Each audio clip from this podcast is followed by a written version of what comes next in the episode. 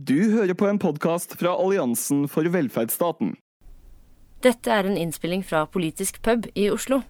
Politisk pub arrangeres av LO i Oslo, Alliansen for velferdsstaten og De facto, kunnskapssenter for fagorganiserte. God kveld og hjertelig velkommen til denne andre politiske puben i høst. Korona og makt i arbeidslivet. Og Vi som arrangerer, det er LO i Oslo. Det er de facto kunnskapssenter for fagorganiserte og for velferdsstaten. Jeg heter Ingunn Gjerstad, jeg er leder i LO i Oslo. Jeg skal lede oss gjennom denne puben her på Kulturhuset i Oslo. Aller først, takk til dere som har kommet i panelet her i dag. Dere blir nærmere presentert. Like viktig er dere som sitter i salen vår her med korrekt smittevernavstand. Og fordi det er begrensa hvor mange vi kan ha her nå, så har vi streaming av møtet. Dere vil finne den streaminga. Dere kan også se den etterpå på vårt nettsted i LO i Oslo. Takk til Sean Curtis, som tar opptak for video og podkast, slik at det skal bli mulig å høre på dette seinere. Og der ligger en lenke på bordene hvordan dere kan bestille ting og betale for det. Beklager til dere der ute, vi kan ikke sende noen hjem til dere. Men både Peppes og Fodora har tariffavtaler hvis dere vil bestille noe sjøl. Vi hadde politisk pub om Nav den 16.9, og den ble godt besøkt både her i Kulturhuset og på nett. Og Video finner dere på LO i Oslos hjemmeside, samme sted som vi har streamen her. Vi håper selvsagt at det kan være nyttig å høre igjen disse temaene i det faglige arbeidet som vi har for å få til endringer i retning av rettferdighet og bedre fordeling. Denne gangen inviterer vi til samtale om noen viktige deler av arbeidslivet. For hva skjer egentlig nå der ute på den enkelte arbeidsplass? Da landet stengte ned i mars 2020 ble mange arbeidsfolk permittert, og mange mista jobben allerede da, mens andre frykta å gjøre det nå utpå vinteren. Atter andre gikk på jobb seint og tidlig for å sikre samfunnets grunnleggende funksjoner med risiko for egen helse. Førstelinja ble rost og klappa for og har fått mye mer oppmerksomhet enn de har vært vant til. Fagbevegelsen gikk med på utvida arbeidstid, Arbeidsgiverne fikk billigere permitteringsordning, men Stortinget har for en periode gitt de lavest lønte permitterte bedre ytelser enn før. Det snakkes mye om før og etter korona. Men allerede før koronakrisa, som handler om både helse og økonomi, så så vi ei arbeidsgiverside som viste mindre respekt enn det jeg føler vi hadde før en del steder for å holde i hevd partssamarbeidet. Vi så arbeidsgiverorganisasjoner som ikke var innstilt på å forhandle mye annet enn lønn, og knapt nok det inn i tariffavtalene. Tallrike representanter for både offentlig og privat sektor har krevd et slankere avtaleverk fra arbeidsgiversida i flere år nå. Og I høst så fikk vi NHOs veikart som foreslår dette på ny. Men den samme politikken sto nedfelt i NHOs arbeidsgiverpolitiske program. Holte-utvalget, som kom i 2001 allerede, markedsførte da den tidsånden som de mente gjaldt for individuelle løsninger fra sentrale til individuelle avtaler fjerne alle lønnsbindinger som lavtlønns- og minstelønnsgarantier, ansiennitetstillegg og andre sentralt avtalte tillegg. I 20 år og vel så det har de ivra for større lønnsforskjeller og ønsker seg bort fra den kjøpekraftsforbedring som særlig lavtlønnsyrkene har kjempa seg til for å unngå å være arbeidende fattige. En rapport fra SSB fra i fjor viste at i 2017 var det i alt 11,2% av hele befolkningen utenom studenter som tilhørte ei husholdning med lav inntekt, mot 10,8% i 2014 og 9,6% i 2011. De fleste voksne som er fattige i Norge, har ikke fulltidsjobb. Under krisa har maktforholdet mellom partene i arbeidslivet forskjøvet seg enda mer i retning av arbeidsgiverne. Og de vet å utnytte denne makta og å forsøke å gå fra tidligere lovnader. Det er et viktig bakteppe for flere streiker i høstens forsinka tariffoppgjør. Arbeidsgiverorganisasjonene bryter inngåtte avtaler om opptrapping for de lavest lønte, noe som utløste buss- og vekterstreik. Arbeidsgiverne virker også uvillige til å forhandle om tiltak som kan bedre arbeidsmiljøet. Og arbeidsløsheten er høy. Det krever mye av arbeidstakersida. Og vi er den organiserte fagbevegelsen. Eh, på Politisk pub så forsøker vi å belyse trekk som vi kan lære av, og nå altså hva skjer i krisetider. I panelet for å hjelpe oss med dette har vi Marit Sauge, som skal snakke etter hvert. Hun er leder i Bussarbeiderklubben i OSA, som er Oslo Sporveiers arbeiderforening i Fagforbundet. Og hun var streikeleder i busstreiken. Så har vi Simon Knutsen, klubbleder for Handel Oslo i Securitas og ungdomstillitsvalgt i Norsk Arbeidsmannsforbund avdeling 2. Så har vi Charlotte Pedersen, leder i Bransjeråd HK, bransjeråd eh, privat handel og service, og nestleder i Oslo Akershus handel og kontor. Og Helena Bosevic, klubbleder på Scandic Helsfyr hotell og styremedlem i Fellesforbundet avdeling 10. Og med oss her nede har vi ved spakene for å ta imot spørsmål og kommentarer fra dere som er med digitalt. Helene Bank, fungerende daglig leder i For velferdsstaten. Og til dere som følger oss på video der ute.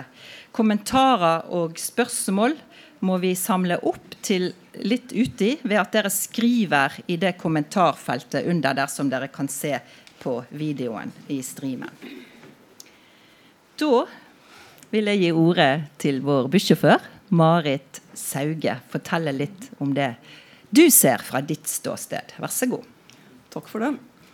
Eh, jeg vil begynne litt med eh, at vår forening, Oslo Sporveiers Arbeiderforening, er en forening som arbeider aktivt politisk. Og jeg har skjønt at ikke alle foreninger gjør det eh, i hvert fall ikke i samme grad som vi gjør. Og for vår del, for bussbransjens del, eh, så har det veldig mye å si om vi har en Kall det en rød eller blå regjering, for å ta det veldig grovt. Så dette er noe vi kommer til å arbeide aktivt med mot neste valg også, som vi har gjort i mange år. Så skal jeg gå tilbake til uh, begynnelsen. Uh, bussbransjeavtalen ble opprettet i 2007 uh, eh, for å hindre at forskjellige busselskaper kunne konkurrere på lønns- og arbeidsforhold når de la inn anbud, som var noe nytt da. I det første oppgjøret etter at den avtalen ble inngått, så fikk vi faktisk det vi ble lovet. Vi fikk industriarbeiderlønn, og faktisk litt i overkant av det. Allerede i neste hovedoppgjør så var vi på 95% av industriarbeiderlønn. Så har det gått litt opp og litt ned, og nå er vi under de 95% igjen. Så vi ser at dette går feil vei. Og så er det noe med måten det blir eh, eh, forhandlet på, som gjør at vi ikke har noe tro på eh, at det kommer til å gå oppover igjen. Hvis vi ikke gjør noe annerledes. Som f.eks. kan være å forvalte en annen regjering. Eller å få avskaffet anbud. Intensjonen i bussbransjeavtalen det var at den skulle innføres med nye anbud, sånn at vilkårene etter hvert skulle bli like. Dette skulle vi klare da innen 2012.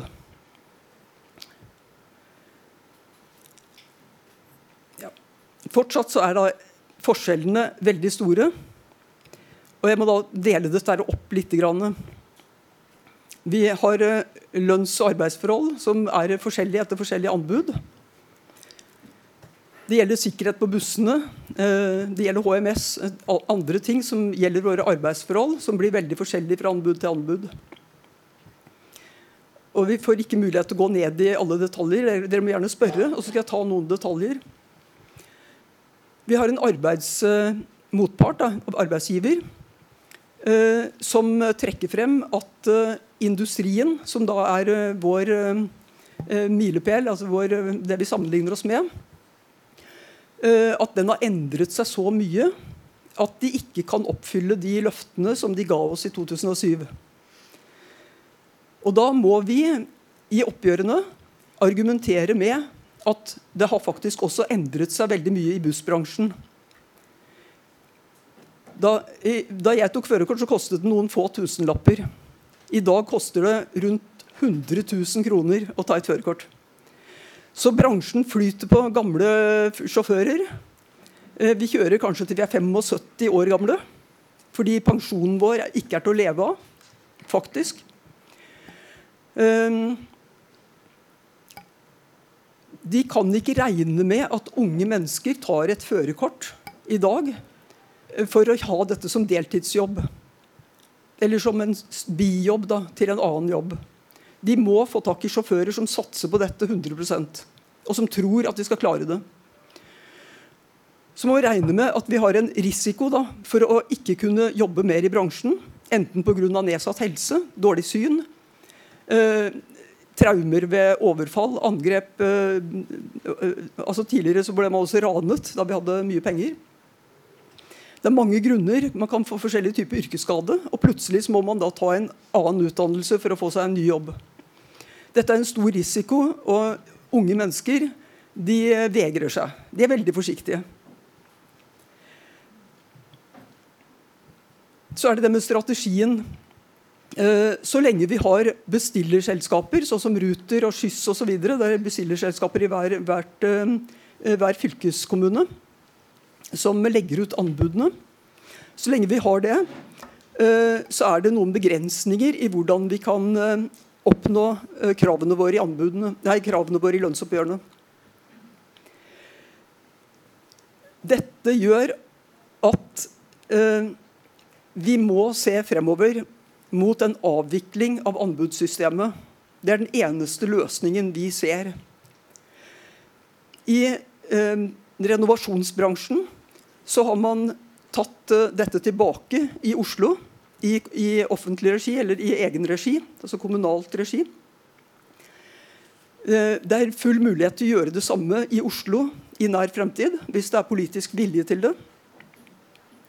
Da kunne man få sammenlignet én by drevet i egen regi opp mot andre byer og steder som fortsatt da er på anbud. Det er umulig å avvikle anbud alle steder samtidig, fordi at det vil bli veldig dyrt å kjøpe ut de som sitter på anbudene. Så dette er den eneste realistiske måten å gjøre det på. Og dette er faktisk også mulig i Oslo. Og sånn som det er i renovasjonsbransjen, så viser det seg at det er så gunstig å ha det i egen regi at andre fylkeskommuner ønsker å gjøre det samme. Jeg tror det er det jeg trenger å si, og så kan dere stille spørsmål etterpå. Takk. Takk skal du ha, Marit. Vi skal få snakke mer med hverandre etter hvert. Da skal eh, Simon fortelle litt om hvordan det er å være vekter nå til dags. Ja. Jeg har jo faktisk flere roller enn bare å være klubbleder. Men det er å være verneombud, og det kommer jeg tilbake til litt uti her. Vi gikk jo til streik, som eh, ble nevnt, og det var jo spennende. Og så kom bussjåføren og tok alt lyset vårt, og det var jo spennende. Eh, men det var, eh, det var spennende. Altså, det var mye nytt å gå ut i streik for vår klubb. Vi er den største vekterklubben i Norge, og vi har hatt et generasjonsskifte siden forrige gang. Og vi merker jo at det er, det er ikke bare bare å gå til streik. Det er litt slitsomt. Og da, sånn, når man ser tilbake på det, så burde vi jo faktisk vært mer på i det å lære av noen andre i denne gode familien i LO og, som streiker oftere. Om de kunne gitt oss litt tips før vi gikk ut. Det tror jeg hadde hjulpet. Men eh, streik er eh, interessant i 2020. Det er ikke overraskende, men mer litt sånn typisk, med litt sånn Trump-aktig. Eh, hvordan vi nå møter disse arbeidsgiverne våre. Vi har jo i Arbeidsmannsforbundet veldig mye medlemsdeltakelse. Og etter en lang og grundig prosess kom vi med noen krav. Alle ble tvert avvist. Vi hadde også krav på arbeidsforhold-ting, ikke økonomiske ting. Ikke noe rom for å diskutere det heller. Og ble heller møtt med motkrav istedenfor. Og det er jo Det er jo det, men det, det er liksom Det er ikke snakk om noe. Mm, og det vi sliter mest med i streiken, er Det står stadig mer om det i avisen. er um, det er eh, det at spillereglene står for fall. Vi øh, oppdager daglig og rapporterer så godt vi kan videre, og innimellom så plukker pressen det også opp, at uh, NHO har sendt ut en veileder. Den følger bedriftene uh, så langt de kan. og det Overskriftene er jo rett og slett at de undergraver vår lønnskonflikt med å bruke sine egne uh, uorganiserte datterselskaper. Uh, det kommer stadig flere artikler på det, men det er um, altså det, Disse spillereglene som er blitt opparbeidet over 100 år, står og blir egentlig de, de, er ikke kodifisert. Så vi kan liksom ikke peke på noe sted og si nå bryter du denne regelen. Og hvis man da bare lukker øynene og oppfører seg litt irrasjonelt, så er det ikke noe regel. Vi har hatt det i bedrift i lang tid, og det gjelder også våre kolleger i service- og vedlikeholdsbransjen, som er i samme forbund, at ved bare å si nei og være tverr, være barnslig, rett og slett, så sliter du ut i tillitsvalgte. Du har ingen konstruktivt partssamarbeid i dialog i bedriften. Du utsetter alt som har med arbeidsforhold og lønn og avlønning og resultatdeling eller hva du vil, til tariff. Og så kommer tariffen to år etterpå, og da er det bare nei. Og de gjør det samme på HMS-biten. Øh, det er jo fagforeningene til en viss grad som styrer verneombudsrollen. Og når de klarer å knuse fagforeningen, så knuser de verneombudet. Og i noen steder så har man jo profesjonalisert HMS bitte litt mer. Men vårt arbeidsliv i Norge skal jo være bygget på arbeidernes deltakelse. Vår påvirkning. Og hvis det da er en sjef som plutselig har ansvar for HMS, da har jo ikke vi noe deltakelse i HMS lenger. Kanskje noe er ivaretatt, men det kan vi jo egentlig ikke stole på. For vi har jo ikke noe hånd på rattet. Og den hånden på rattet den vil de jo absolutt ikke at vi skal ha. Et av våre store krav i denne streiken har vært at vi vil ha en hånd på rattet i eh, lærlingers inngang i vekteryrket. Og de vil ikke ha oss i rommet. De, altså det er bare blankt nei. De skal ha all makt, og det er 2020 i et nøtteskall. Takk skal du ha, Simon Knutsen. Dere er ganske nøysomme på tid, men dere skal få snakke litt mer eh, etterpå. Eh, da går vi over til nummer tre her, Charlotte eh, Pedersen. Handel og kontor. Yes, takk skal du ha.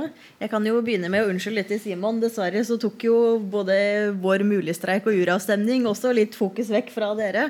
Det er vel konsekvensen av at det er 30 år siden sist du var i mekling og 59 år siden sist du streika. Da blir det litt sånn oppmerksomhet mot det. Ehm, jeg kan jo begynne litt med hvordan ser det liksom ut i varehandelen. Uh, mange kjenner jo til fra før av at det er en del deltidsarbeid og sånne type ting. Eh, på mange måter så har man nok litt vel ufortjent dårlig rykte med at organisasjonsgraden er så dårlig og sånne type ting.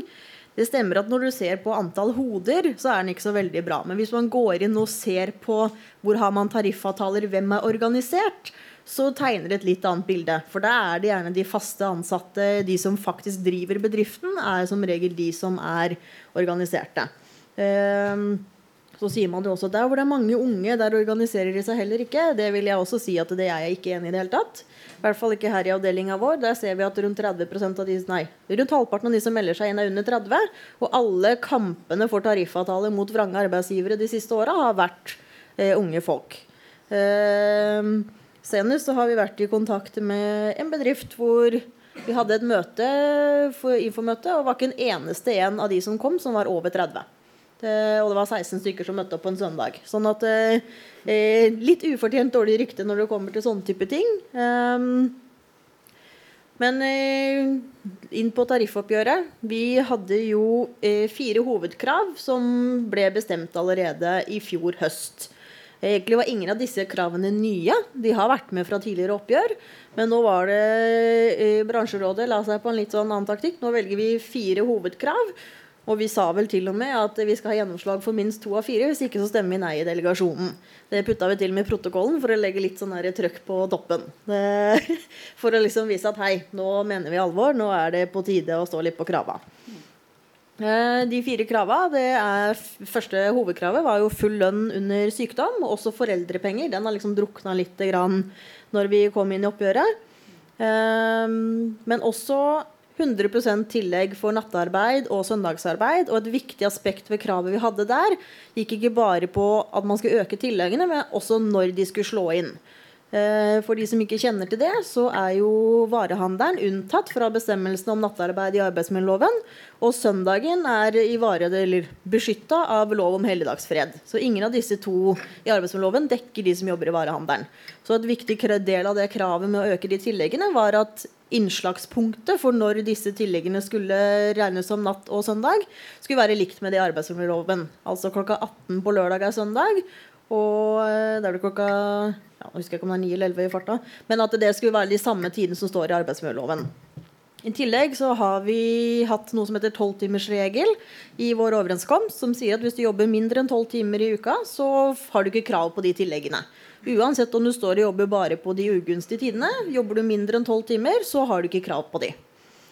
Så det var jo et krav som også ligger med kjempelenge om å bli kvitt. Og så hadde vi krav om at vi ønska styrka rett for deltidsansatte til å jobbe hele dager.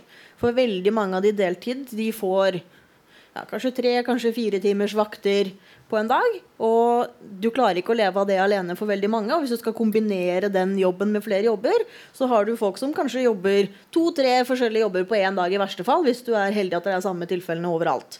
Og da blir det ikke veldig mye tid til hvile. Så det var også et av de fire hovedkravene. At man skulle få mer kontroll på arbeidstiden og styrke den retten til å jobbe i hvert fall hele dager og ikke så små dager. Um, og disse kravene, hvis man skal liksom oppsummere de veldig kort, da, så tegner de veldig godt bilde på hva som er problematikken for vårt område. De handler jo om sosial og økonomisk forutsigbarhet. uh, og arbeidstid. Det er egentlig Sånn kan vi oppsummere disse kravene her veldig kort. Eh, så kom jo koronaen. Eh, vi har en veldig delt bransje i hvordan det har slått ut i koronaen. Vi har hatt noen, f.eks. Eh, butikkene vi har på flyplassen og sånne type ting, er det nesten ingen jobb lenger. Det er masse permitteringer. De er permitterte fremdeles. Du hadde klesbutikker og sånne type ting. Som var masse masse, masse permitteringer. Men du har også hatt deler av bransjen, i detalj eksempel, og dagligvare, som har gått så det griner. Som flere av de har solgt bedre i år enn de gjorde i fjor, f.eks. For eksempel, fordi folk har vært hjemme og hatt mye ledig tid. Sånn at da pusser de opp. Så du har hatt deler av bransjen har gått bedre enn før, og så har du deler som har ligget omtrent helt brakk med masse permitteringer. Så du, alle disse går liksom på den samme overenskomsten, og det har jo selvfølgelig også vært en litt utfordring. Og vi gikk jo da inn i hovedoppgjøret med litt sånn eh, Vi har hele tiden gått med disse fire kravene, men så ble det lagt at nei, nå er det Penger er ikke det viktigste, vi ønsker trygghet. Derfor så la man trøkket på sykelønna.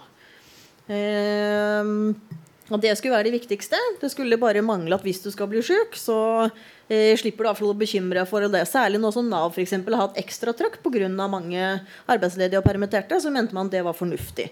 Og de som jobber i varehandelen, er også ca. 2,5 gang større risiko for å bli utsatt for smitte enn til vanlig. Um, så ble det jo ikke at man fikk det. Eh, personlig så vil jeg vel si at dessverre formuleringen fra frontfaget blir litt sånn tvangstrøye. Det er veldig vanskelig, særlig de kvinnetunge yrkene, å få noe utover frontfaget. Eh, vanligvis, f.eks., så har vi hatt veldig lite lønn i selve oppgjøret fordi vi har en garantilønnsordning som har de siste årene gitt veldig mye. Men da har man sagt at hele ramma er brukt opp og litt til når man kommer inn i oppgjøret. Så da er det de høyeste trinnene f.eks., hvor de fleste av medlemmene ligger, har man ikke hatt noe særlig i selve oppgjøret, fordi at eh, garantien har man ment har spist opp dette her. Um, så det, det skapte en litt vanskelig situasjon. Det var sånn nei, man får ordlyden i frontfaget. Og det var liksom noe styrking fra det man hadde før, men ikke i nærheten av det man egentlig krevde. Eh, så eh, var jo det som hovedtrekkene i det vi fikk Vi fikk fjerna tolvtimersregelen. Eh, og UB-tilleggene ble endra på. Noe bra, noe dårlig. De som har jobber ikke sent på lørdagen, de går noe ned. Men man fikk inn veldig viktig prinsipp. Nettopp at eh, tillegget fra klokka 18 på lørdag er det samme som det er på søndagen. Så det ble økt, og det ble lagt i den samme satsen som søndagen. Da har man egentlig fått en anerkjennelse fra arbeidsgiver at greit, det er søndag. Det vet jeg ikke helt om de tenkte over at det var det det betydde, men det har de da gjort. Fordi at det er det samme tillegget. Så det er et viktig skritt på veien eh, på den biten, da. Um, og så har man jo litt sånn endring på kompetanse og fått inn miljøbilag og sånne type ting. Men det er jo litt sånn der, arbeidsgiver er jo også der allergisk mot skall. Så det er jo noe man må eventuelt jobbe med videre, da. Det skal ikke stå noe skall, og da er det sånn Hvorfor skal man ha det der da? Det var det noen som mente. En annen ting som var litt unikt nå, var jo at man hadde faktisk eh, to veldig tydelige sider. Du hadde faktisk en tydelig nei-side og en ja-side i anbefalingen i tariffoppgjøret. Det har det ikke vært store tradisjoner for i vårt forbund, i hvert fall på en stund. Det har liksom vært én anbefaling som går ut. Men nå så var det greit. Her er det en del som mener man skal stemme nei, og noen som flertallet mener man skal stemme ja. Da har man fått lov å fronte begge saker. Um, og det har jo ført til at uh, det har vært veldig mye debatt rundt det. Jeg syns det har vært veldig sunt. Vi har slitt med lav deltakelse i uravstemning i mange, mange, mange, mange år. Eh, sist vi var over 50% deltakelse, det var i 2004. I år så var det 51% deltakelse, hvorav da 33% svarte nei. Så det har jo eh, kommet mye godt ut av det også. Eh, flertallet stemte ja, så vi har jo et resultat på plass nå. Men det var jo litt sånn interessant å se at medlemmene engasjerte seg. da og det er vel kanskje der man kan jo i ettertid si kanskje burde man ikke gått ut bare med det ene kravet rett før oppgjøret. Fordi at du går inn og sier vi vil ikke ha penger, vi vil ha trygghet. Så kommer man ut og sier vi tok ikke trygghet, men penga de fikk vi. For man må jo kunne si at man sprengte jo ramma. ikke sant?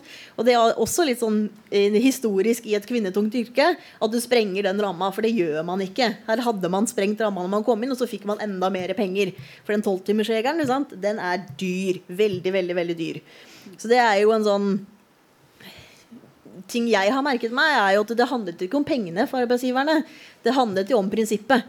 Og det gjør jo meg litt sinna når våre medlemmer står ute i butikkene. Det med er du heldig, pleksiglass og button og klistremerker på gulvet, ikke sant? og kundene står og hoster deg i trynet, så fortjener du ikke den tryggheten da, med at ja, hvis jeg blir sjuk, så vet jeg i hvert fall at da slipper jeg å bekymre meg for økonomien det var vi ikke unt. Så det er det som har gjort at jeg har vært med å fronte nei-siden. er at jeg mener det fortjener våre medlemmer, og det burde arbeidsgiver kunne gitt de. Det hadde kosta dem mindre å gå med på det kravet enn de tingene som man faktisk har fått gjennom nå. Så det er jo greit å merke seg. ikke? At her handler det om prinsipper og ikke om økonomien. Jeg kan vel eh, stoppe litt der nå, i hvert fall.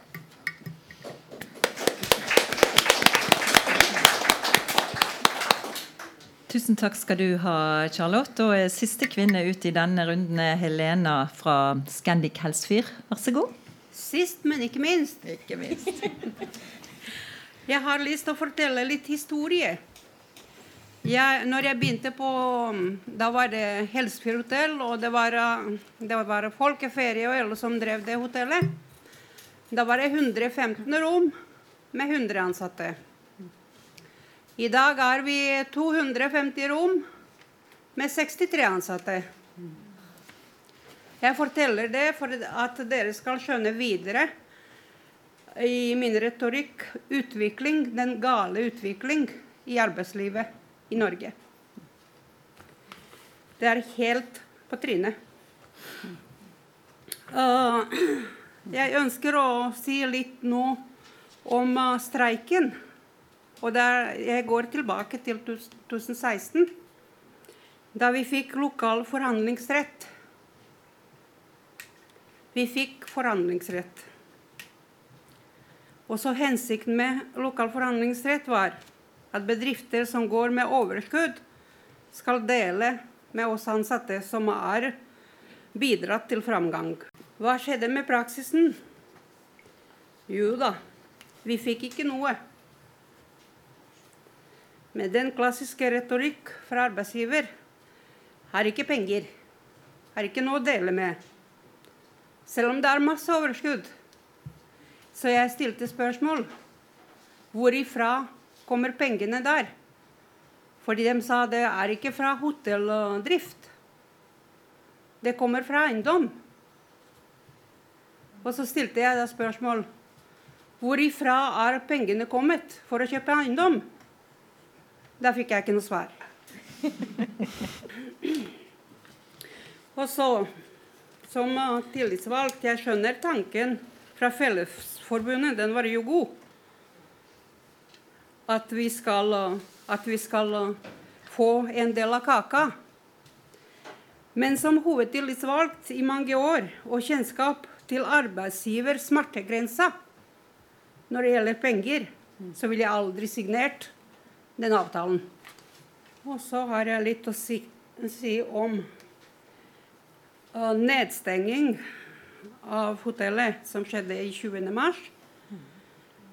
Samtlige 63 ansatte ble permittert. Sendt til Nav med den strålende dagpenger. da som har uteblitt. Vi ventet i flere uker for å få de pengene, og lønnskompensasjon kom ikke før tre måneder etterpå. Mens den krisepakka da, til bedrifter, den eh, kom veldig kjapt på plass. Og da er det ikke snakk om småbeløp, da. Det er 129 millioner som Scandic har fått i krisepakke. Og så har de fått um, lønnsstønad for å ta inn permitterte tilbake i jobb. Det er 15 000 per person. Og så er de ikke snaue, da. De har um, skrevet i revidert budsjett, da. Så de har nedskrevet 3 milliarder svenske kroner. Og så sitter de da med 380 millioner i utbytte i tillegg til det. Det syns uh, jeg at det er helt på trynet. At det ikke stilles noe krav til bedrifter som mottar krisepakke. Og etter at de har forsynt seg godt uh, fra hylla med alle de godene, så fikk alle Scandic tillitsvalgte telefon 30.6 men det glade melding at de skal nedbemanne med 1000 årsverk på landbasis. Dette er til tross for krisepakke, lønnsstønader, alt som de har fått, så skal de nedbemanne. Jeg blir innkalt til drøftelsesmøte, og de skal nedbemanne med 63 ansatte nå. 250 rom. De skal uh, nedbemanne med åtte årsverk. Jeg var på to drøftelsesmøter, og, og, så sa jeg dere kan bare gjøre det, men jeg bare skriver usaklig oppsigelse, så blir de stående i stillingen. Så dere tjener ikke penger på det. Og da LO fikk uh, regjering til å forlenge uh, permitteringsperioden fra 26 uker til 52, da sendte jeg uh, forslag til bedriften og ba dem og vente med nedbemanningsprosessen. Hvor da jeg ba om møte og skrev eh, protokollen at bedriftene har ikke noe grunnlag for nedbemanne i og med at uh, permitteringsperioden ble utvidet fra 26 uker til 52.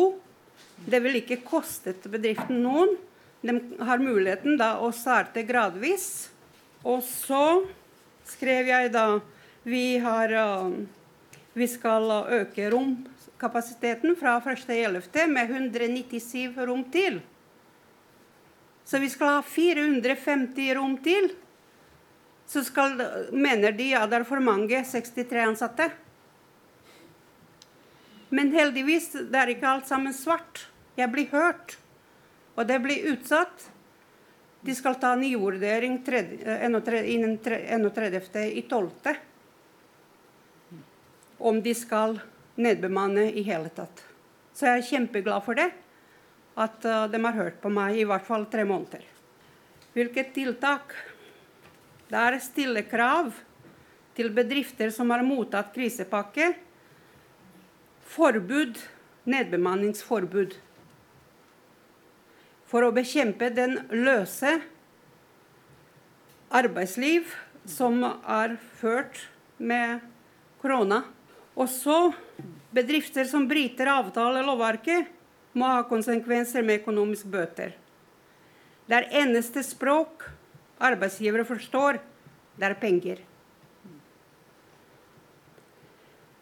Og den løsarbeidet har blitt utrolig forsterket ved korona på denne måten at på mange, mange bedrifter de nedbemanner, og så setter de søker på finn.no-folk. Så rått er det blitt. Neste tiltak, forslagstiltak, krisepakke til permitterte arbeidstakere, altså rollebytte. Med fullt lønn, feriepenger på dagpenger. Og så, kjære kamerater, appell til LO og fagforeninger og alle fra venstrepolitikere. Vi må utarbeide en vaksine. Jeg snakker ikke om vaksine covid-19. Jeg snakker om mye verre. Det sittende regjering. Vaksine som skal stå klar til neste Stortingets valg. Det må vi få det til. Og så at vi sender sentrumkamerater til null kontrakter, dagpenger, uten feriepenger. La sentrumkameratene smake sin egen medisin. Vi må stå sammen som fjell. Vi skal ikke tilbake til 1925, da arbeidsfolka står med lua i handa. Med denne regjering er det garantert at arbeidsfolka kommer dit. La oss mobilisere alt fra fjern og nær til neste stortingsvalg. Takk for meg!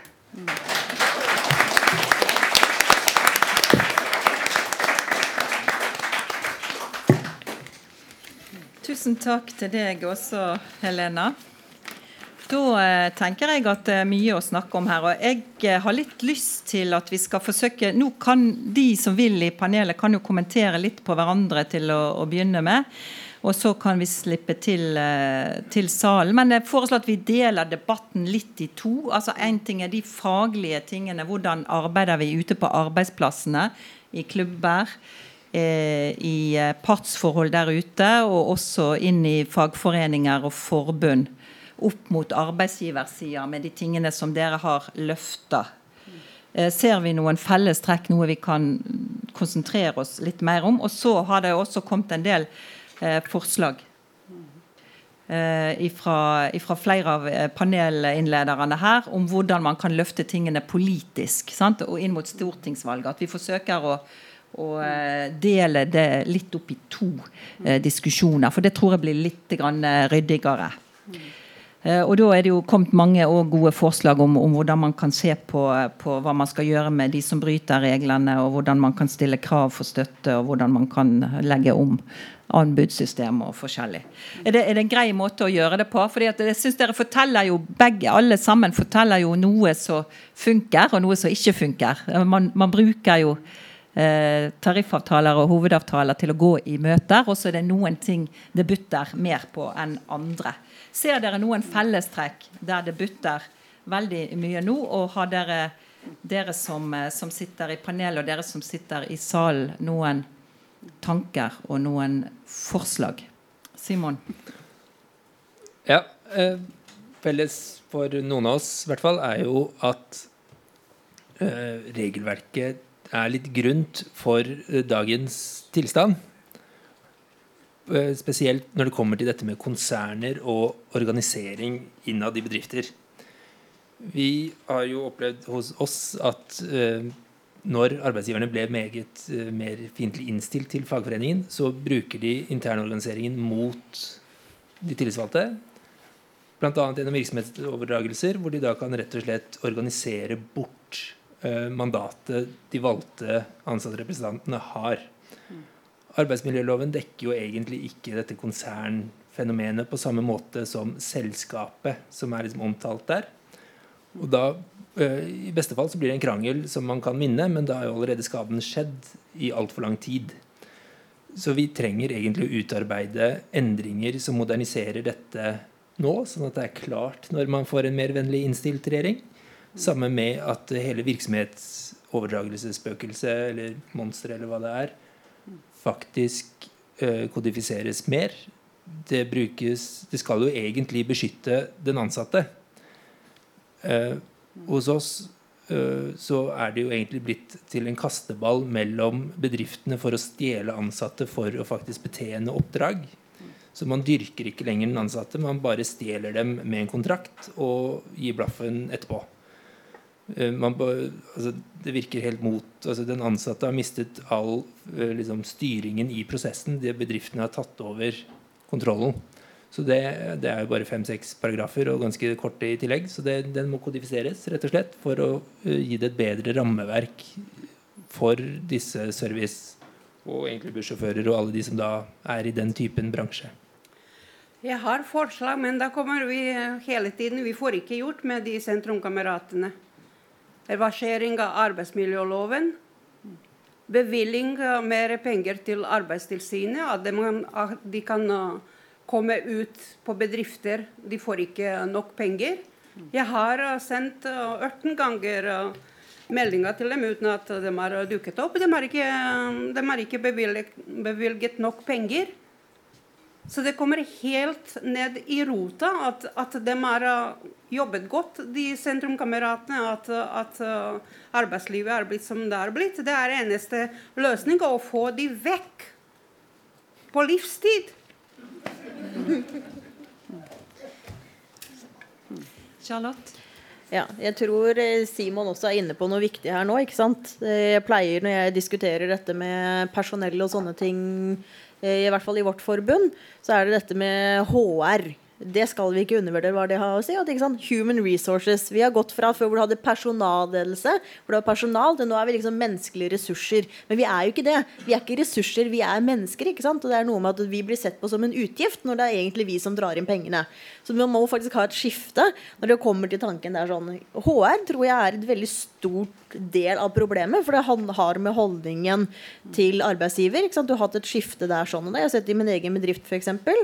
Eh, jeg jobbet i den i drøyt 13 år. Når jeg begynte, så ble folk fordi det var godt miljø og man trivdes, og det var kort imellom liksom toppen og bunnen i, i, for, i forbundet eh, I eh, bedriften.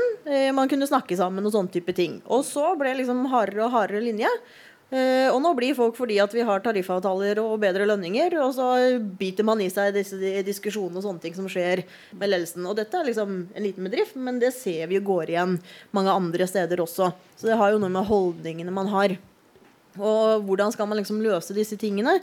Jeg tror jo man f.eks. ikke skal være så redd for dette med eh, å ta en kamp og stå på krava, da. Det, det er noe som skal ikke hemmelighet at Jeg hører kanskje litt radsdelen av mitt eget forbund, men Eh, det er noe med frasen sånn Ja, men det ble i hvert fall ikke streik, da.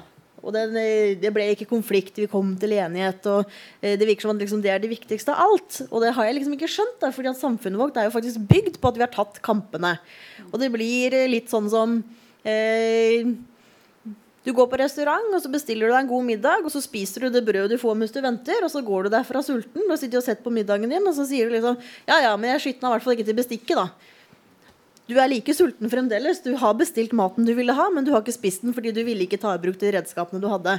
Og det blir litt sånn da når vi har den der holdningen med at konflikt er Så skal man ikke ta en konflikt for å ta en konflikt.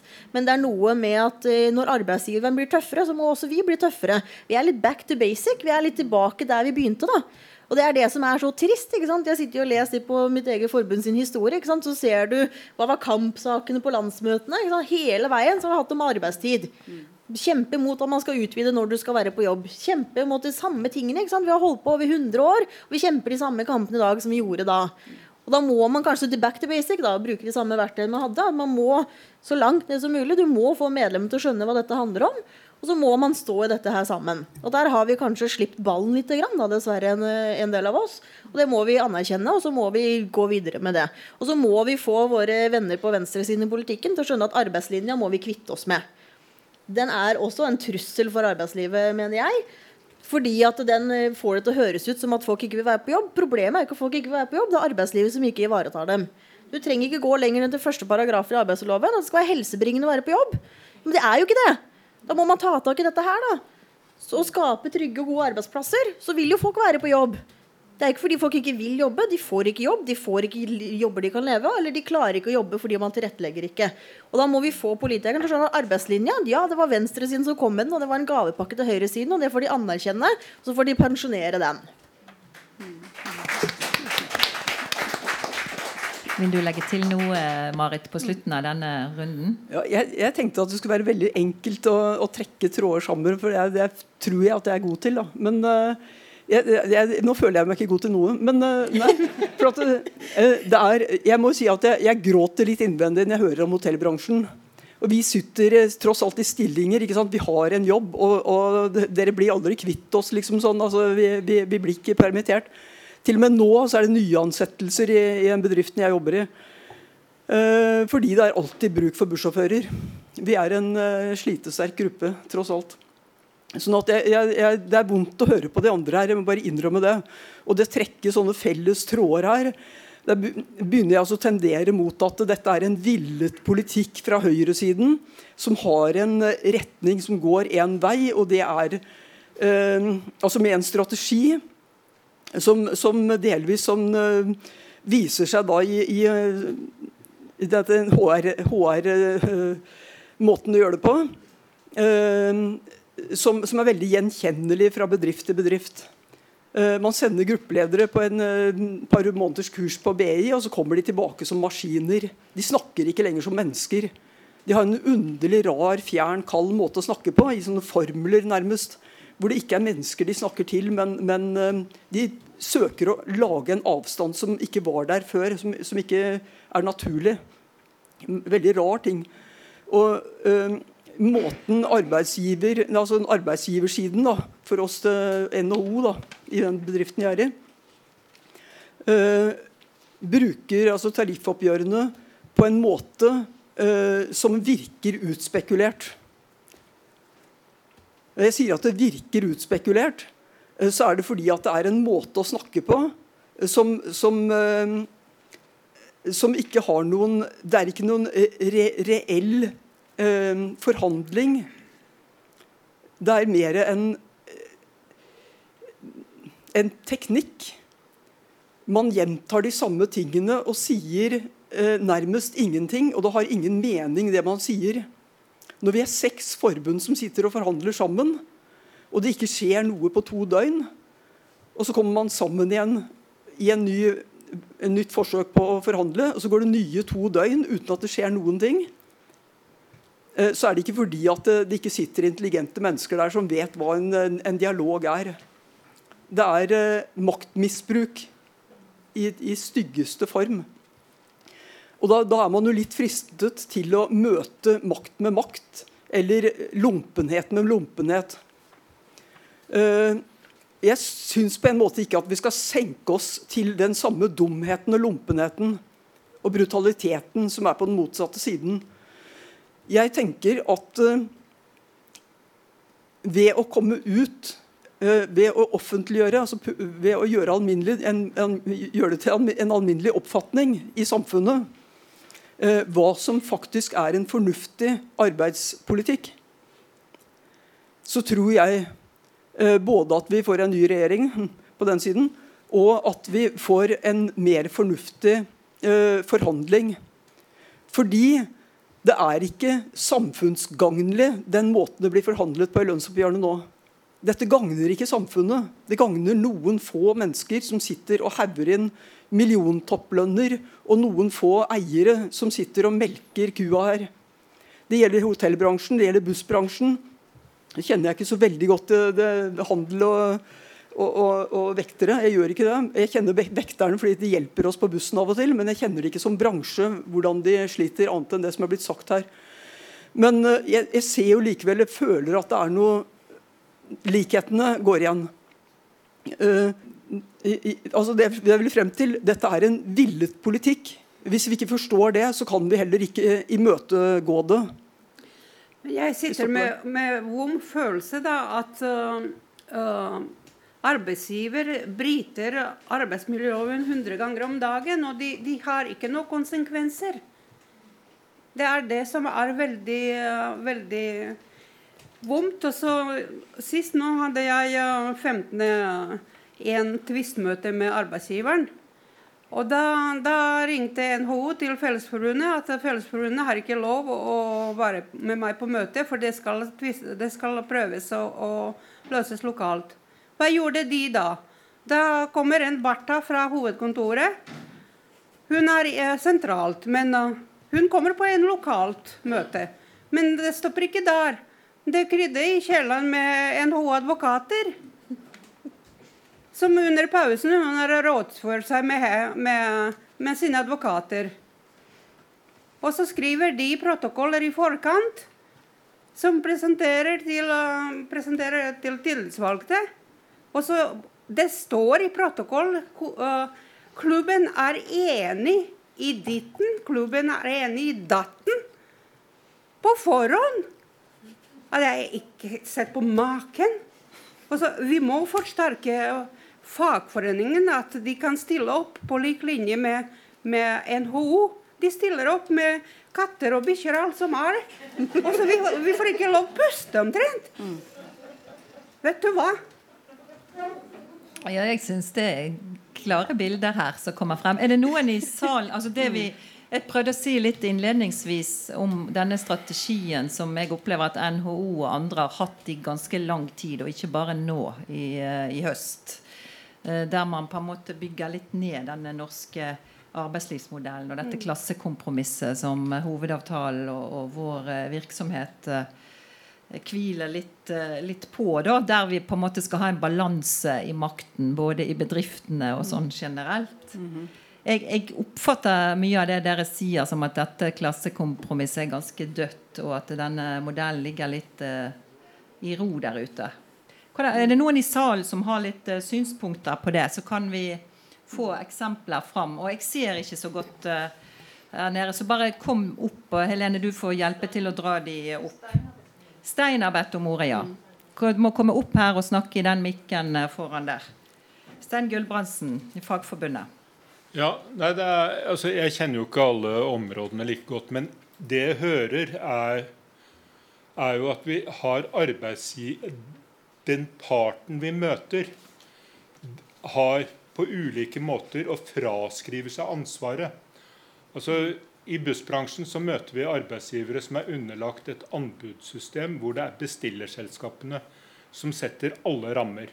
Og altså, I årets oppgjør så møtte vi en motpart som drev og, og snakket om indekser for kompensasjon for lønnsøkninger.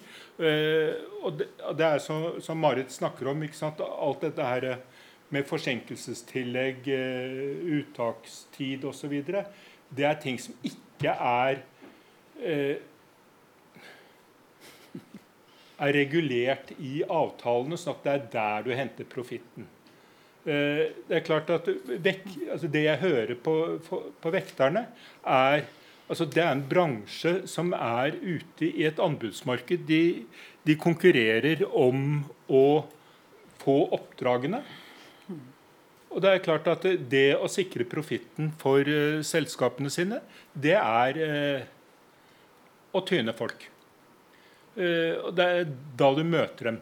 Altså i Handelssektoren er vel stort sett kjeder som er det helt dominerende. Uh, og det er kjedene som styrer butikken. Tilsvarende hoteller er det kjedene. Sånn at vi har fått et system hvor de vi møter i, i tariffoppgjørene, de representerer ikke makta. Altså, makta sitter bak dem, og de sitter der som sånn fingerdukker. og, og det er ikke mulig å få tatt høl på det. Det er klart at det vi gjorde i bussbransjen, å lage en avtale hvor alle forbedringer skulle fases inn ved nye anbud, sånn at selskapene kunne legge inn dette og, og stille det som eh, krav eh, når de la inn budene, sånn at kunne, de kunne få finansiert forbedringen i avtalen, det virka en stund.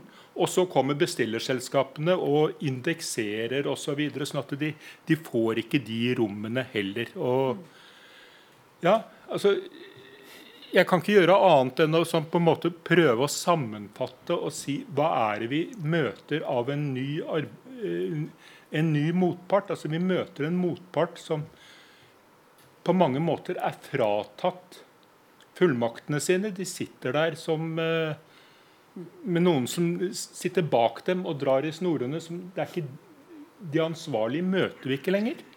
Eh, sånn at eh, Skal vi få på plass forbedringer i alle disse bransjene, så er vi faktisk nødt til å bruke den kampkrafta vi har. Og da må vi gjøre jobbene rundt omkring og organisere godt og bygge opp og bygge opp og gjøre som du sier, at her må vi sette To av fire skal vi ha. Eh, alt annet eh, altså, Det er på en måte der vi, er, vi må gjøre, ellers så taper. Altså, så lenge vi lar motparten organisere seg sånn at det, det er realiteten eh, faktisk at de vi møter, de har ikke fullmakter. Det er noen som sitter bak dem. Takk. Takk skal du ha. Da har vi Helene som trekker i trådene her. Hei, vær så god, Synnøve. Takk. Eh, veldig godt å høre på dere. Eh, eller for å si det sånn, det var vondt å høre dere. Eh, jeg kommer fra offentlig sektor, og jeg tenker vi er i akkurat den samme galskapen som dere i privat sektor er. Vi møter akkurat det samme på vår arbeidsplass. Det der med at man driter, de driter i arbeidsmiljøloven. De driter i avtaleverket. Så jeg tenker sånn, vi må kjempe sammen. Vi har akkurat de samme rettighetene å kjempe for, så hvorfor ikke gå sammen offentlig og privat sektor? Det der med at uh, Du snakket om HR. Nei, veit du Hvordan i all verden Vi som ressurs Vi har, vi har nummer, vi. Vi er ikke personer lenger, men vi er en, et nummer på arbeidsplassen. Og hvordan skal du forholde deg til det? Du snakker om ressursnummer eh, Snakker du om ressurs som penger eller som personer? Vi skjønner jo ingenting av hvordan de prater lenger. Men det der med at vi som offentlig sektor og privat sektor må stå sammen i denne kampene, da må vi. Og så sa du i stad dette her med at dere får ikke fulle sykepenger når dere Hva er det slags vrøvl? Det er jo lovfesta. Kan noen arbeidsgivere si at dere skal ikke få 100% sykepenger? Går det an? Charlotte svarer ut den. Ja. Eh, det det går på, er jo at eh, noen har at de får forskuttert pengene sine, og så får de tilbake til Nav, men de tjener ikke opp feriepenger og pensjon utover 48 dager f.eks. Eh, det er ganske vanlig. Og så noen får heller ikke det, så man må liksom vente på å få det fra Nav og sånn. Det man da taper, er jo feriepenger året etter f.eks. Og det vil vi jo se neste år. Kjempesmell når vi har hatt så mange permitterte nå, og det er kjempealvorlig. Da regjeringa gjemmer seg bak. Men vi har jo gjort at de som går på dagpenger, får dagpenger også når det er liksom ferie. Ja, men dere glemmer alle de som har vært permittert, men har kommet seg tilbake i en jobb, men de har vært lenge permittert, så de får nesten ikke feriepenger. Det er kjempealvorlig, og de gjemmer seg liksom bak. Vi har jo gitt de feriepenger. Ja, de som fremdeles er uheldige og er permittert, ja. Men de som har kommet seg tilbake i jobb, som mange nå heldigvis har gjort, og det blir jo forhåpentligvis flere og flere, de får jo den økonomiske smellen neste år. Ja. Og det er det samme som du har med de som er langtidssyke, eller de som er eh, i foreldrepermisjon og sånn f.eks. Hvis ikke man har lokal avtale om at arbeidsgiver også sparer opp fullt på feriepenger og pensjon, så taper man jo de pengene og får en økonomisk smell hvis du har vært langtidssyk. Så det er det det handler om, at du ikke skal få den økonomiske smellen. Det, og jeg mener jo Et annet viktig aspekt ved dette her Jeg tror jo det er kjempeviktig at vi sammen tar den offentlig og privat sektor om at det skal bli normen. At det skal man selvfølgelig ha. Man snakker om at det er så høyt sykefravær der ute, og særlig de kvinnedominerende yrkene. Ja, Det er kanskje ikke så rart. da. Vi vet det at arbeidsgiver sitter gjerne når du har folk som er langtidssyke, med kalenderen og følger med når kan vi si de opp, og så putte inn noen andre. Det er ikke noe problem. De har vikar gjerne med lavere lønn i mellomtiden.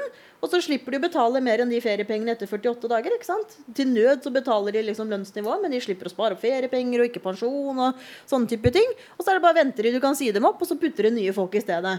Da er det ikke så veldig rart at det ikke blir så veldig mye nedgang på sykefraværet når du gjør det økonomisk insentiv for bedriften å drite i det. De har liksom møtene de må ha, og så er det veldig vanlig at du ikke gjør noe med det. Ja vel, da får vi gi det en økonomisk smell, da, hvis ikke de følger opp sykefraværet. Så skal vi se hvordan det blir. Hvis det plutselig lønner seg å få folk tilbake på jobb. Derfor er dette kjempeviktig at vi faktisk må være litt på ballen med dette her. sånn, For da får de plutselig et økonomisk insentiv for å faktisk tilrettelegge og prøve å få folk tilbake til jobb i stedet. Og så ønsker jeg, veldig, jeg ønsker meg òg at vi får en debatt i samfunnet hvor vi kritiserer politikerne i større grad enn den enkelte etat. Det er ikke Nav sin feil at folk ikke får dagpenger. Dette her har politikerne gjort. Og Nav har ikke klart å svare opp i forhold til datautvikling eller sånne ting. Så la nå for fader meg politikerne ta støyten, og ikke den enkelte etat. Takk. Takk til deg, Sunniva. Helena, du må ordet. Eh, jeg har lyst til å dele erfaring. Hvordan hvordan har jeg fått eh, det til? og det presset på jobben og den stoppeklokka. Det er særlig i husøkonomavdeling. Jentene kommer til meg gråtende og sier at uh, husøkonom har sagt at de må vaske 40 rom.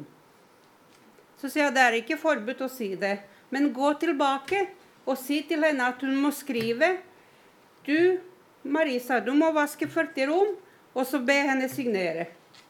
Det har aldri skjedd. Aldri. De prøver å, å presse med munn. Det var senest uh, forrige uke. Det var en som har um, blitt tatt uh, tilbake med, fra permittering med 50% og så kom husøkonom og sa ah, har du vasket bare de rommene der? Så sier hun hva mener du med bare de? Nei, hun skulle vasket alle sammen. Så sier hun til henne kan du skrive det? Så forsvant hun. Du har ikke sett henne resten av dagen. Det hjelper å slåss litt. Helene, bare, du presenterer deg sjøl og sånt at eh, ja. Ja. eh, jeg heter da Kim Thomas. eh, er tilfeldigvis også styremedlem i avdelingen til Helena. Eh, veldig stolt av det. Jeg har tenkt litt sånn når det kommer til samfunnet, så er det Altså, Vi sitter nå med 400 000 som er uten jobb. Eh, og vi sitter med et eh, arbeidstidssystem som er basert på at eh, de i salen her som anser seg selv som ja, på 40-tallet ville ha vært husmødre og hjemmeværende, de er hjemme. Og så er det menn som jobber åtte timer eller ni timers dager og kommer hjem til middag. De kommer hjem til vaska hus, de kommer hjem til vaska klær, de kommer hjem til det meste. Det er sånn arbeidsdagen vår er innretta. At vi har en der hjemme som skal gjøre alle disse tingene. Men nå er jo dere også på jobben. Hvordan skal vi få tid til alt? De åtte timene, som jo sannsynligvis var 12 eller 13, eh, kjenner jeg dere rett, eh, eller kanskje mer enn det, de er borte, de. Fordi at det er ingen som er hjemme. Og de aller fleste av oss har ikke råd til en au pair eller en hushjelp. Så jeg tror noe av det viktigste vi kan gjøre politisk, eh, er å gå sammen og slåss for den forbanna sekstimersdagen. De fikk det til i Tine. Det gikk til og med bedre økonomisk enn de gjorde før. Likevel så reverserte de det av en eller annen merkverdig grunn. Eh, De får det til i Finland, hvor de har stemt over det altså, og skal prøve å få det til. Hvor er fagbevegelsen der? Vi må kjempe for det. Og så sitter vi med pensjoner som folk fra i, ja, industriarbeiderlønn og oppover. De har pensjon fra første krone. De har høyere prosenter enn to. Og så sitter alle i lavtlønnsyrker i privat sektor. Ikke pensjon fra første krone, ikke pensjon fra før du er 20 år gammel, noe som betyr at jeg har seks år i arbeidslivet som jeg ikke har fått pensjon for. Ikke pensjon før du jobber mer enn 20% stilling, som betyr ikke før jeg begynte å bli 30 og slutta å semistudere og jobbe litt mer enn 20 Jeg har spart opp, nå vært yrkesaktiv siden jeg var 16 år, og jeg har spart opp 30 000 kroner i pensjon. 30 000 kroner. Altså, det er en månedslønn før skatt. Det er faktisk litt mer enn en månedslønn før skatt uh, i hotell- og restaurantsektoren. Så jeg tror det er en nøkkel. Uh, og så er vi nødt til å gjøre noe med altså, prosenttilleggene som vi driver og slåss for. Hva faen betyr 1,7% når du tjener 350 000 kroner i året? Jeg tar gjerne 1,7% på lønna til uh, Kjell Inge Røkke. Det kan jeg godt ta i tillegg. Det, vi trenger ikke å streike da. Vi kan ta litt mindre, faktisk. Men altså 1,7% Jeg gidder ikke å regne på det engang, for det er ikke verdt en drit.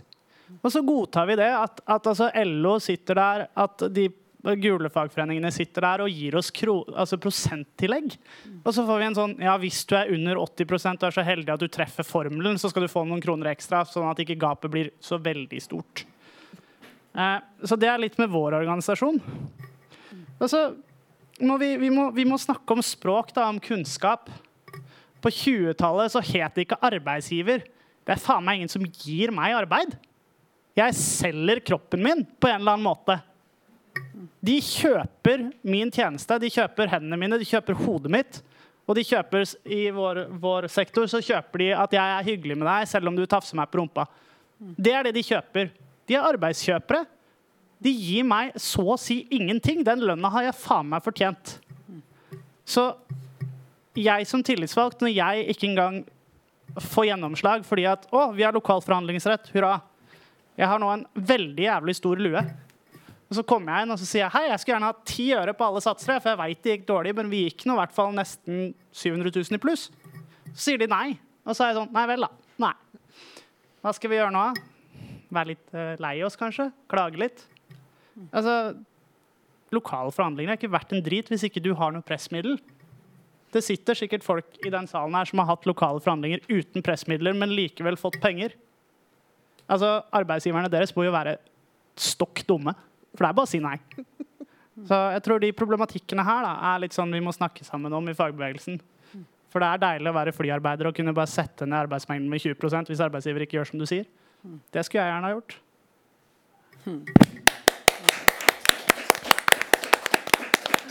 Takk. Vær så god, Helene. Ja, jeg har et spørsmål fra, fra nettet der ute. For å si Adem, som da fra Oslo og Akershus, som spør, og det er til dere. Tror dere arbeidsgiversida bruker krisa som unnskyldning for å svekke våre rettigheter? Ja! Ja, ja, ja, ja. Enkelt svar. Det er ingen tvil om at de gjør det. Vær så god. Spørsmål fra salen her. Ja, det er veldig mye spørsmål. Jeg tenkte jeg skulle blande meg litt inn i diskusjonen. Ehm, jeg kommer fra vekterbransjen sjøl. Ehm, jeg var hovedtillitsvalgt i Securitas, og Simon kommer fra. Blei skvisa ut i mars i år gjennom disse her virksomhetsoverdragelse, der du er blitt en plag som tillitsvalgt, så plutselig står på utsida. Det har gått greit med meg. Jeg er inne i Arbeidsmannsforbundet og jeg er tatt inn i varmen og har, har jobb videre. Men jeg tenkte jeg skulle fylle litt mer ut over hvordan uh, disse tillitsvalgte og oververneombudene i, uh, i Securitas har det for tida, siden de fortsatt står i en streik. Det er bygd seg opp over tid utfordringer i Sigurtas. Mm. Det er ikke så veldig mye bedre i den andre vaktbransjen, men Sigurtas er på en måte det jeg kjenner. da. Og uh, Vi starta jo veldig fint med at vi kjørte disse her HF-prosjekt. Vi søkte penger gjennom hovedorganisasjonens fellestiltak og kjørte sånn samarbeidsprosjekt. Hadde med oss Anja som sitter i salen som veileder. Og vi var enige om at vi som bedrift skulle sette partssamarbeidet høyt. Det var vel egentlig derifra det gikk utforbakke, tror jeg. Eh, bedrifter oppdaga at det, de hadde noen åpninger i eh, lovverket som gjorde at de kunne begynne å motarbeide oss, at i stedet for å arbeide med oss. Eh, så ble det veldig mye skryt under eh, disse her prosjektene vi hadde på at i overenskomsten for vekterne så har ikke du del B i hovedavtalen. Men vi hadde nok sett en samarbeidsavtale som var mye, mye bedre enn del B. Den ble sagt opp. Da kasta vi den ut. Uh, da skulle ikke vi ha partssamarbeid lenger. Da enda det med at det, det, er så mye enklere å forholde seg til hver enkelt, så vi orker jo ikke å snakke med ei gruppe mennesker som er veldig sterk. Um, denne her eh, samarbeidsavtalen har jo da kutta og kutta på, så sa de den opp nå i sommer. Mm. Um, så gikk vekterne inn i forhandlinger og skulle da uh, forhandle opp en del tekst og en del partssamarbeidsideer. Og han skulle på en måte forbedre samarbeidet. der bedrifter kommer med motkrav. Det er jo de gjort de siste lønnsforhandlingene. Jeg var med i lønnsforhandlinger fra 2006 og helt fram til uh, sist. Jeg skulle jo være med i år med, men jeg slapp jo det. Uh, sånn at uh, bedrifter kom med en del motkrav. Mm. så også da på en måte skulle sette litt tillitsvalgte til sides. Um, og um, nå når det da ender med at vi nekter å forholde oss til de motkravene som arbeidsgiverne kommer til, så gikk de til streik. Uh, og det siste stuntet som var gjort, var jo faktisk i dag. De hovedtillitsvalgte har faktisk sluppet å streike. De har vært det på en måte det ene bindeleddet som har stått imellom uh, vekterne som har stått i streik, og bedrifter. I dag så presterte de å permittere begge hovedtillitsvalgte, altså den i Securitas og den i Avan, så er de to store bedriftene. Mm. Permitterte de på 60% av stillinga si fordi at 60% av medlemmene var ute i uh, streik. Uh, og dette er jo en ren krigserklæring. Altså, det er jo ingen, altså det er brudd på hovedavtalen. Det er brudd på absolutt alt det kan komme på. Uh, og det å si til to hovedtillitsvalgte at nå skal dere uh, faktisk permitteres på vervet deres ja, hva skal de gjøre da? Skal de da ut og jobbe? Da går jo de streikevaktene sine vakter, liksom. så dette her er det har blitt såpass skittent, det spillet som de holder på med nå. så var egentlig bare en oppfordring til nå at dere som sitter her, så er i menigheten, dere er jo med blant Men dere sitter i andre fagforeninger. Dere er vennene til, eh, til de som er ute i streik nå. Mm. Og strenger faktisk at det, han bruker sine kontakter. Han er bevisst på at det, dette spillet som de holder på med nå, det kommer til dere etterpå. Vinner de fram denne gangen her nå med vekterne, så kommer det videre til handel og kontor neste gang. Og så kommer det videre til industrien etter hvert. For de lærer jo av hverandre. Jeg er sikker på at de sitter og skriver bøker på bakrommet oppe på NHO bare for å på en måte vise til hva de fikk til, og hva som funka og ikke. Uh, sånn at uh, Vekterne trenger faktisk all støtte nå. De er femte uka i streik. Uh, det begynner å bli hardt. Det pissregner ute, det snøver litt. Så nå trenger vi litt hjelp utenfra kan de greie å formidle ting inn i andre medier enn bare vår egen media, så trenger de faktisk den også. Så det var egentlig det jeg tenkte jeg skulle si. Thank you.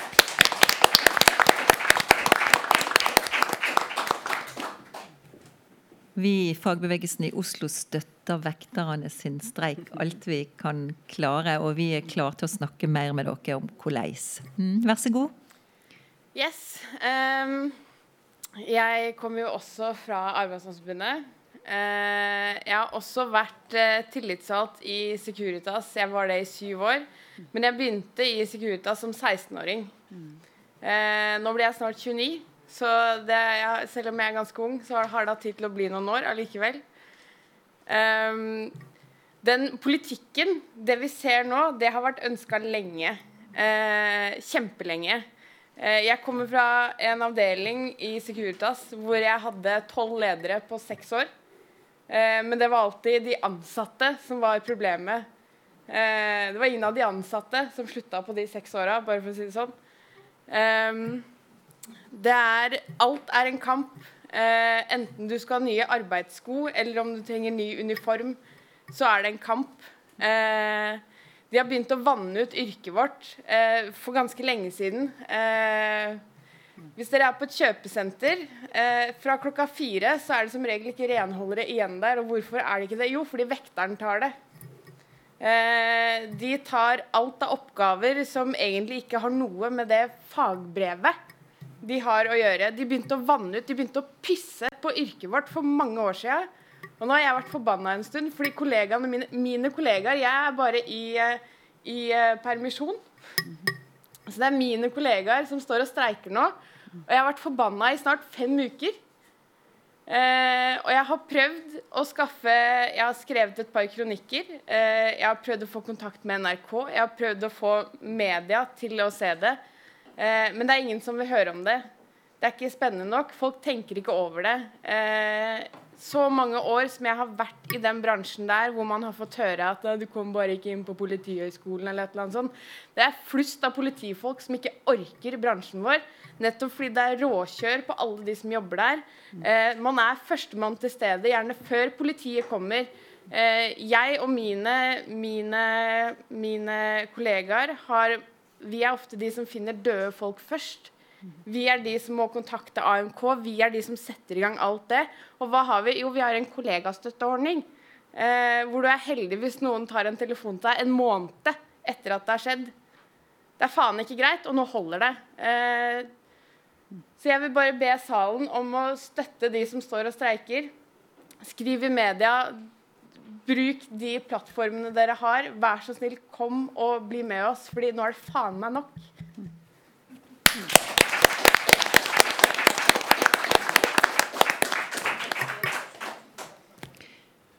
Eh, det er sterke ord å høre om. Det er viktig at vi kommer sammen og kan fortelle hverandre litt om hvordan det, det er der ute. Sånn at vi kan stå litt i, i, lag. Da er det anledning til flere som vil si noe. Hvis det er noe mer på dette med hvordan det står til i den faglige delen, altså ute på arbeidsplassene og sånt, før vi går over til de der politiske tingene og det som Helena dro opp om valget, og, og Marit om anbudspolitikk. og er det noen mer runder på det? Kan, jeg prøvde jo å lese opp dette Holte-utvalget sine hovedsatsinger for 20 år siden. Kan vi si at de har kommet et godt stykke på vei i forhold til sin strategi?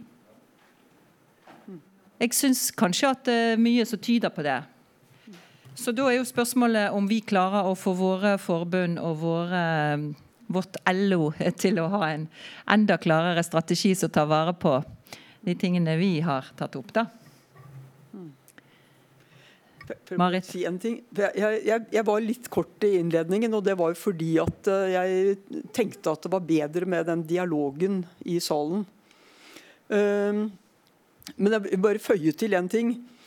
Uh, når det gjelder, altså vi, har, vi har holdt på med en streik eh, elleve dager. Det var ikke så veldig langt. Og det er sjanse for at vi kommer til å ta en streik til. Uh, jeg tenker at det med synliggjøring av problemer Bli synlig hva det er vi gjør. Og jeg tenker at for I vår bransje så er det noe som bør interessere oss alle sammen. Enten vi kjører buss eller vi sitter på og er passasjerer. Uh, eller vi er skattebetalere og betaler for denne moroa. Uh, hvor pengene blir av, hva de går til. Det bør ikke være noe interesse for noen av oss, i hvert fall, og ingen andre heller, at pengene går til noe annet enn å kjøre busser og trikker og T-baner. Og så er det dette med sikkerheten på, på, buss. Det bør også interessere hver og en av oss. Vi kjører busser som ikke har kollisjonssikkerhet. Vi kjører vakter som er så eh, lange, tunge og feilplasserte i forhold til døgnrytmen at eh, noen velger å ta en sykemelding. De, de, tar ikke sjansen på å kjøre den vakta. Det er en sånn idiot, eh, opp, uh, idiotfordeling av timer som egentlig ikke fører til noen spesiell besparing. Det er, noe, det er, ikke mye penger å tjene på det, men i et anbudsregime så vil man prøve å spare penger på absolutt alt som det er mulig å spare på. Så hvis man kan legge en vakt fra tre om morgenen til tolv om, om, om dagen, så gjør man det. Hvis man kan spare noe penger på det. Og det er da akkurat de timene hvor søvnen, dypsøvnen slår inn sånn seks om morgenen. Og du kan tenke deg hvordan det er å sitte uh, og kjøre en buss og så kjenne at du sovner. Hva gjør du da? Da er bussen full av passasjerer klokka seks om morgenen. Eller er ikke full på den tiden, men du har, du har, folk i bussen. Du har biler rundt deg, du har fotgjengere og alt, alt, det der. Og så sitter du og kjenner at det, det er vanskelig å holde seg våken fordi at det er feil tid på døgnet. Jeg har opplevd det selv. Jeg har satt på håndbrekket, gått ut av bussen og later som jeg må se etter noe under bussen. eller sånt, ikke sant? Sånne dumme, sånne eh, håpløse ting. Og folk ser litt sånn rart hva som skjer nå. liksom. Og Jeg tar ikke sjansen på å sovne bak rattet. Men dette er, det er farlig. og det, Jeg har hørt om andre, vi har kolleger fra andre land som forteller at der hvor de kommer fra, så er dette forbudt. Det er såpass ille at politikerne skjønner det og setter en foten ned og forbyr det. Eh, så, så, så langt har vi ikke kommet her i landet at vi skjønner hva som bør være ulovlig. Vi har manglende kollisjonssikkerhet, som er sånn at det, hvis du krasjer i 30 km i timen, så er du dau. Dette er det ingen av oss som vet, andre enn de som, eh, pårørende som sitter igjen. Jeg har kjørt disse bussene nå i mange mange år uten å vite det. Jeg fikk vite det for et halvt år siden. Da satt jeg i et møte nede på Ruter, eller nede på, ned på tårnet nede på Jernbanetorget, som Ruter eier, sammen med Stordranger fra NHO. Og alt det som ble sagt i den salen, der satt det folk fra bussprodusentene. Det satt uh, selvfølgelig tillitsvalgte. Det satt direktører fra busselskapene, det satt folk fra Ruter, diverse andre. Jeg hørte på det de sa. Og Min konklusjon det var at alt som ble sagt der, det var ting som ikke kostet penger. Alle de forslagene som skulle bedre sikkerheten på bussen, skulle ikke koste penger. Det var min konklusjon av det. Det sa jeg høyt der. Et halvt år etter så sitter Stordrange i tarifforhandlingene våre. Og jeg var jo så heldig at uh, dette kom på TV. da. Og Da blir jeg sitert at det ikke er noe sikkerhet på buss, og så skal Stordrange da kommentere det. Så begynner han å ro, da. Ja, det er bussprodusentene som har ansvaret, ikke sant? Dette er skjære sprøyt. Det vet han selv. Bussprodusentene de produserer det vi bestiller, ikke noe annet. Det koster kanskje noen titusen mer å sette opp en sånn eh, kollisjonsbøyle foran, sånn som de har på trailere og, og turbusser. Den bussen vi sitter i, det er en plastkasse. Jeg bare jeg forteller det for jeg syns at dere må vite det. Hvis dere står foran den gule streken, så er dere daue eller mister bein. Mister beina hvis vi krasjer. Det kan når som helst komme en fra høyre som ikke overholder vikeplikten, kappe dere i to. Det er ingenting som stopper det. Selv i 30 km i timen. Sånn, så ille er det. Og dette her er bare for profitt. Dette er bare fordi Eh, de som eier selskapene, skal ta ut utbytte. Det er ingen annen grunn. Og det er sånne ting, Nå, nå nevner jeg dette fordi det er et veldig godt eksempel på hva som kan skje i arbeidslivet. Vi har også samme problemene som i hotell at, og i vekterbransjen, med at uh, arbeidsforholdene blir løst opp. At uh, det blir uh, tilsigelse, som det heter. Har dere hørt det ordet før? Nei? Det betyr at man sitter hjemme og venter på telefon og hvis det er noe vakt ledig, så er det noen som ringer til deg og spør om du kan komme. Kanskje samme dag, kanskje på noen timers varsel. De som har det sånn, de tør ikke ta seg fri. De tør ikke gå ut med venner. De tør ikke dra på ferie. For de sitter hele tiden og håper at det skal komme en telefon. At de kan få jobbe noen timer. De kan få 100% arbeid en måned og ingenting om måneden etter. Til slutt, Vi har en, som har holdt på sånn siden 2015. Og han er så sliten av det at han ikke orker mer. Han har jobba full tid i perioder. Plutselig så er det ingenting. Og Han har spurt om å få fast jobb, og de unnskylder seg med at ja, men vi får ikke tak i deg når vi trenger deg. Nei, men Det er ikke rart det, at du ikke får tak i den når du trenger den. Han har ikke noe plikt til å være der når de trenger den. Han har ikke plikt til å være der noen gang. Han. Han kan gjøre akkurat hva han vil. Han har ikke noen plikter for arbeidslivet. Og Det er det som er resultatet av det høyresida driver med nå. Nå kaller jeg det høyresida, for det er en del av dette gamet. Det er det som er resultatet av det. At de ansatte mister lojaliteten overfor bedriften de jobber i. Det mister, arbeidslivet mister seriøsiteten. Og arbeidstakerne blir flyttet fra bedrift til bedrift med, med anbudene og har ikke lenger noe forhold til ledelsen de jobber, jobber, for. De blir illojale, noen av dem.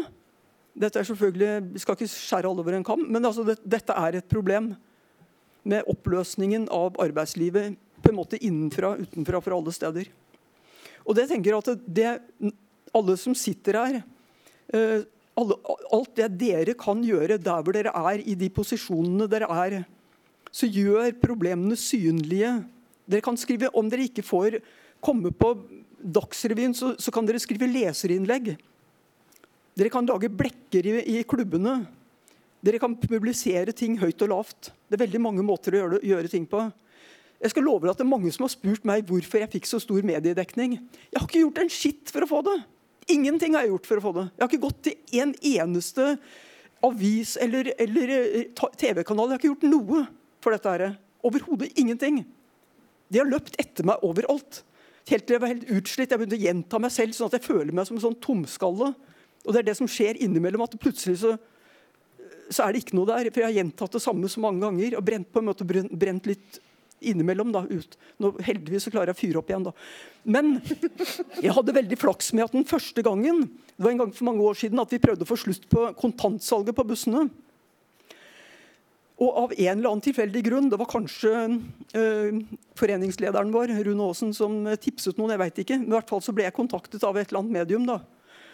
Uh, og Da fikk jeg holde et sånt intervju om hvordan at vi ble slått ned, vi ble ranet, vi ble truet osv. Vi ble nervevrak og mistet jobben og alt mulig pga. disse her ranene på bussen.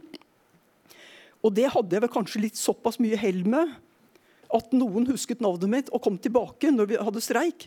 For de fant jo da oss på Jernbanetorget. Vi sto der og streiket. Og det var ikke tilfeldig at jeg sto der. Tips til vekterne. Jeg sto på Jernbanetorget sammen med en haug med flotte sjåfører for at folk skulle se hvor flotte sjåfører vi har. At det ikke skal være noe sånn tåkebilde. Vi skulle kunne se folk i øynene når vi streiket. De skulle kunne si rett til oss ansikt til ansikt om de for, altså om, hvis de var imot denne streiken, om de hadde noe å kritisere oss for, uh, så skulle de møte oss ansikt til ansikt der vi er. Og de kom til oss og bare heiet på oss, den ene etter den andre. Og mediene fant oss der. Den ene kom, så kom den andre og den tredje. ikke sant? Det ene tar det andre. Det er ikke så veldig, veldig vanskelig. Men begynn der dere er, å få tingene ut om hva som skjer. Sånn at hele samfunnet, alle sammen, at det ble en felles bevissthet om at dette er ikke noe som dreier seg om bare bussbransjen eller bare hotellbransjen. Dette dreier seg om hele samfunnet. Så vi må male det bildet sammen. Det er det jeg håper på. Og hver av dere, der dere er, gjør det dere kan der dere er. Og ikke fortvil over at andre ikke gjør noe, eller at det ikke skjer noe. Alle kan gjøre noe. Og bruk de posisjonene dere har. Det er min dype bønn til dere. Og jeg synes tusen, tusen, tusen takk til Stein Gulbrandsen. Hadde ikke, der, hadde ikke du vært der, Stein, så hadde, hadde jeg vært en, en halv idiot. Jeg har lært alt. Jeg har lært alt gjennom den foreninga.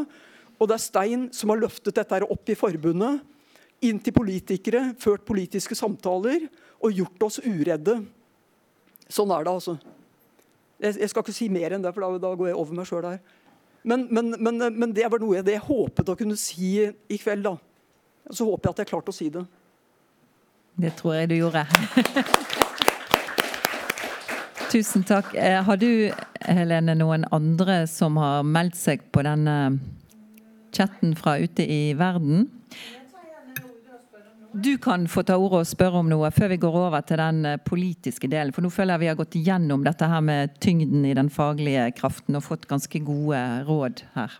Helene Bank fra, for velferdsstaten her. Jeg sitter med spakene. Um, men jeg fikk litt sånn når du sier, Kim Thomas, du nevner dette med denne 1,7 prosenten. Uh, og så ser vi på den andre sida hva er det som egentlig har vært veldig sentrale deler i alt dere har fortalt, og i alle disse her.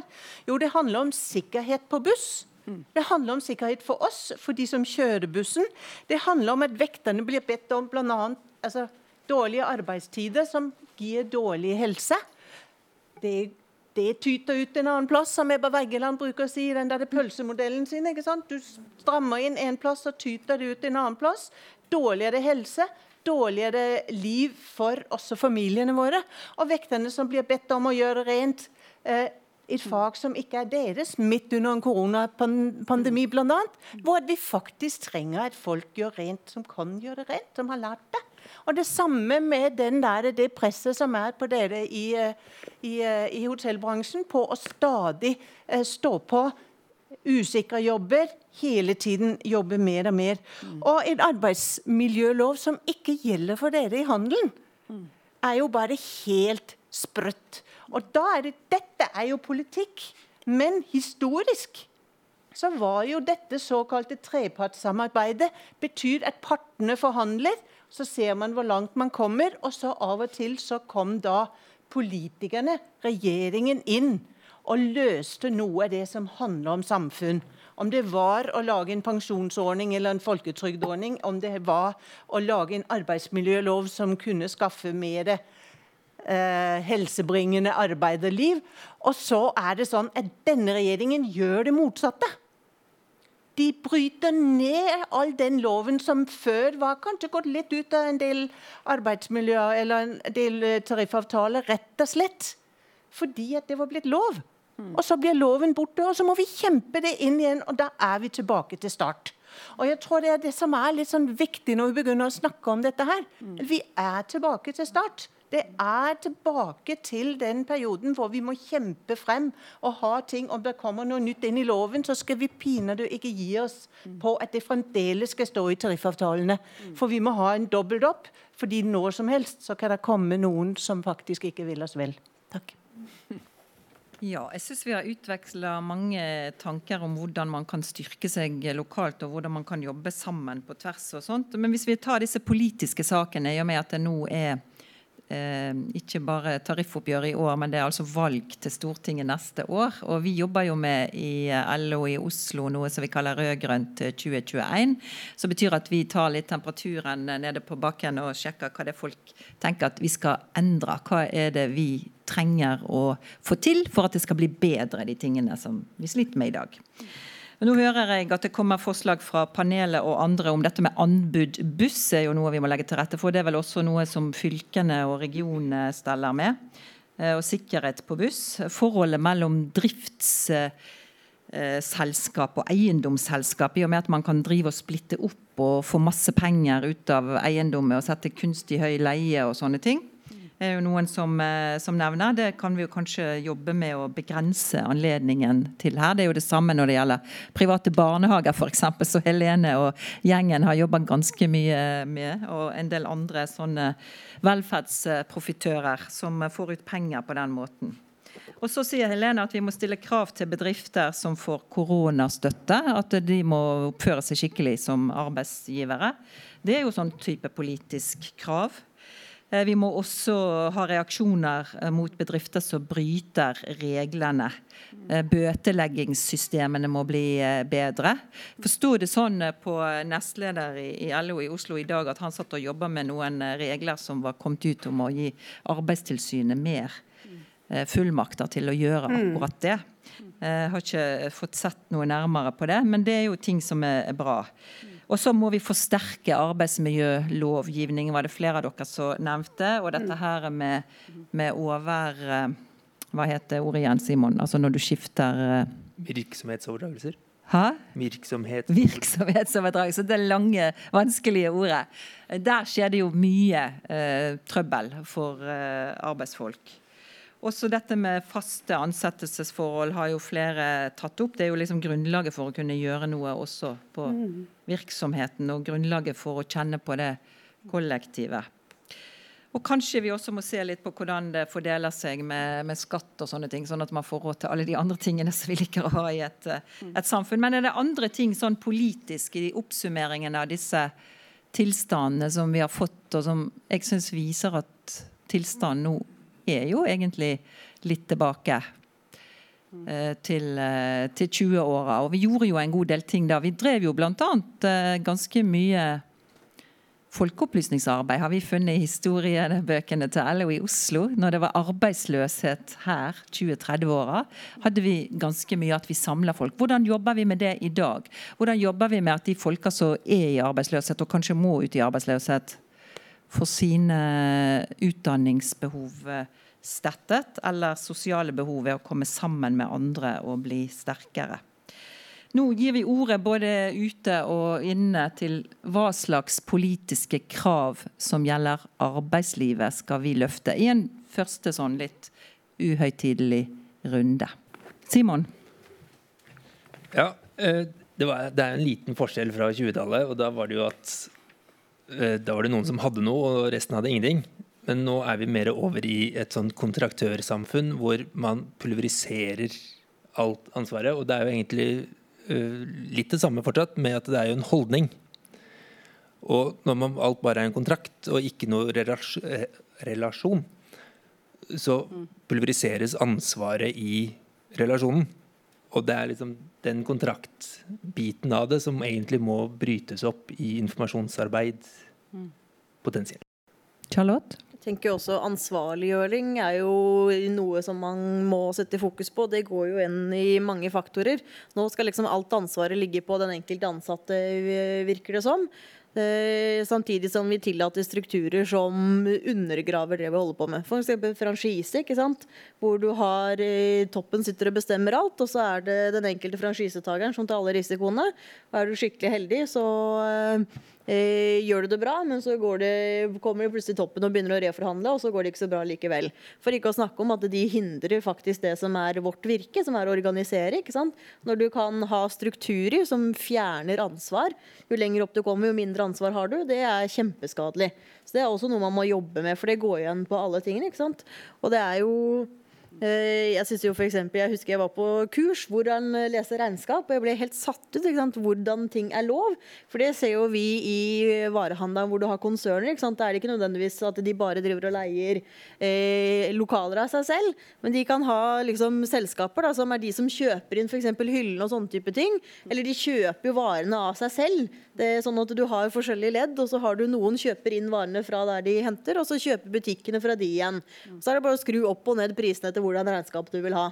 Satt på spissen, ikke sant? Og det er faktisk eh, eh, lov. Det er helt vanvittig hvor mye man egentlig lar arbeidsgiversiden slippe unna med for å kunne liksom hente ut mest mulig profitt, og så sikre at det blir minst mulig igjen til de som er det nede på gulvet. Eh, å se på sånne strukturer og hvordan man kan liksom begynne å bryte opp det for å faktisk ta mer makt tilbake til vanlige folk, det må vi også se på. Og det må vi nok gjøre politisk. Det er helt klart. Er det noen i salen som eh, beveger seg her nå og vil si noe? Nei, de går ut. Nei, Kim? Altså, jeg holder jo aldri kjeft, så det er jo ikke noen overraskelse. Eh, men jeg tror eh, det viktigste vi kan gjøre, er å innse at de eh, Nå flytter jeg den her litt lenger opp, for jeg ble lei av å be meg. Eh, det viktigste vi kan gjøre, det må rett og slett være å innse at eh, det var en gang en tid eh, før Arbeiderpartiet eh, Det er for så vidt mitt parti, men, men det var en tid før det hvor eh, ja, tilsvarende de som satt her, fant ut at det hadde vært jævlig greit å ha et politisk parti som slåss for oss. da. Og så starta vi Ap. Ish. Og så var det noen som ville slåss litt hardere, og så splitta man seg litt. Men altså, disse politikerne der, de er der for oss. Og hvis ikke de gjør som vi sier, ja, hva faen skal vi med de da? Altså, hvis ikke øh, venstresida med potensielt Jonas Gahr Støre klarer å styrke Arbeidstilsynet, sånn at vi får tatt de øh, som sniker seg unna Hvis man ikke klarer å finne en løsning på uh, boligmarkedet for oss som faktisk uh, er 30 og ikke kommer inn med en fulltidsjobb, har ikke kjangs i havet. Altså, da, da, det nytter ikke å sitte fire eller åtte år og, og, og, ikke få til de kravene vi stiller. Og det er ikke sånn at de kravene vi stiller, er vanskelige. Altså, Pensjon fra første krone er ikke et vanskelig krav, det er en lovendring. Det er, det er ikke noe mer enn det. Det er en enkel lovendring. Altså, det, å, det å styrke Arbeidstilsynet sånn at de faktisk kan, kan ta arbeidsgivere som stjeler lønna vår, Altså, de har jo ingen problemer med å sparke oss, disse bedriftseierne, hvis, hvis, hvis vi tar fra kassa. Altså, jeg har mista flere i mitt selskap som har blitt beskyldt, og så har man vist en sånn Ja, der ble det tatt retur på noe kaffe. Og så er de plutselig ute, og så sitter fagbevegelsen her sånn Ja, det, det, vi har ikke noen god sak. Ja ja, trist. Synd, trist, leit. Sånn, ja, jeg har masse lønn jeg sikkert kunne ha krevd, men det tar tre år. Uh, og jeg har lønnskrav fra ansatte som, som ligger mell oppe på NHO og på Fellesforbundet i tre år, og så er de forelda. Og så, det er ok, da. Kanskje vi vinner en sak, og så får du null fordi kravet er gammelt. Så vi må slutte å, å, å stille krav til politikere som ikke blir fulgt opp, og så likevel støtte de. Og så Hvis ikke det er nok, da, så må vi slutte å tro at disse politikerne våre er de som skal eh, fordele kunnskapen rundt om i befolkninga. Altså, vi må starte en sommerleir for ungdom igjen. Eh, vi må skolere folk fra barndommen av. Det nytter ikke å tenke at vi skal drive hotell oppe på glassverket, liksom. Vi må Altså, vi må snakke med hverandre. De eneste som organiserer seg, det er de som blir prata til av sånne som oss, som bruker kanskje like mye tid på fritid som vi står i bar på jobb, på å si hei, du skulle ikke organisert deg, det er smart, kanskje vi kan få 50 øre mer i lønn. For det er omtrent det jeg har å liksom tilby. Så, så, så altså Vi må jobbe, og LO må jobbe. Uh, om Arbeiderpartiet og Rødt eller SV eller NKP eller hva faen disse partiene heter, lover oss noen ting, så er det vi som må gjøre den jobben. Og det bør i hvert fall begynne med å se på hvem som står på de listene. Hvorfor i helvete skal det stå politikere der som ikke har jobba med fagbevegelsen før? Altså på venstresida. De partiene er til for oss, og ikke omvendt. Punktum. Jeg har to ting. Ja, er det noen som har meldt seg? da? Eh, Helena skal få ordet, og så har vi eh, spørsmål om det er noen som har politiske krav og saker. Vi har jo i alle valgkampene politiske krav og saker som vi vil løfte i den breie faglige valgkampen. Så eh, Helena først. Venstresida må stå samlet, ikke å tre i offentlig rom. Når de opptrer i offentlig rom, så, så snakker de ultimatum. Jeg skal ikke snakke med, jeg skal ikke samarbeide med Jonas Gahr Støre. Jeg skal ikke jobbe med samarbeid med SV. Hvilke signaler sender de? Det, det er bare uh, beskjed til Arna at hun blir sittende fire år til. Og så LO. Jeg, jeg savner at LO er mer synlig. Jeg ser støtt på den konferansen i regjeringa. Han fra NHO. Han sitter og snakker hvor vanskelig bedrifter har det. Kan ikke LO begynne å sitte litt for oss, da? Synliggjøre våre problemer. Det er tross alt vi som har fått koronaregning. Takk skal du ha. Eh, Er det noen i salen som jeg ikke har sett, som ønsker å si noen sånne politiske ønsker og krav som eh, de stiller nå? Marit Beromoria? ber om ordet, ja.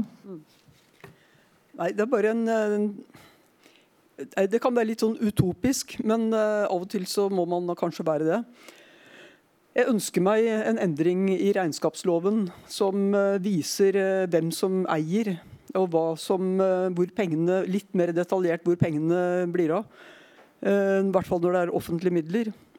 Jeg vet ikke om det er mulig. Eh, Det sitter sikkert veldig veldig langt inne hvis det skulle bli foreslått av noen i det hele tatt. Men da kunne man f.eks. se av et regnskap i Unibus, Unibuss eller for eksempel, som jeg jobber i, eh, hvor mye penger som blir brukt til eh, anbud, f.eks. Hvor store avdelinger eh, trenger man for å opprettholde anbud?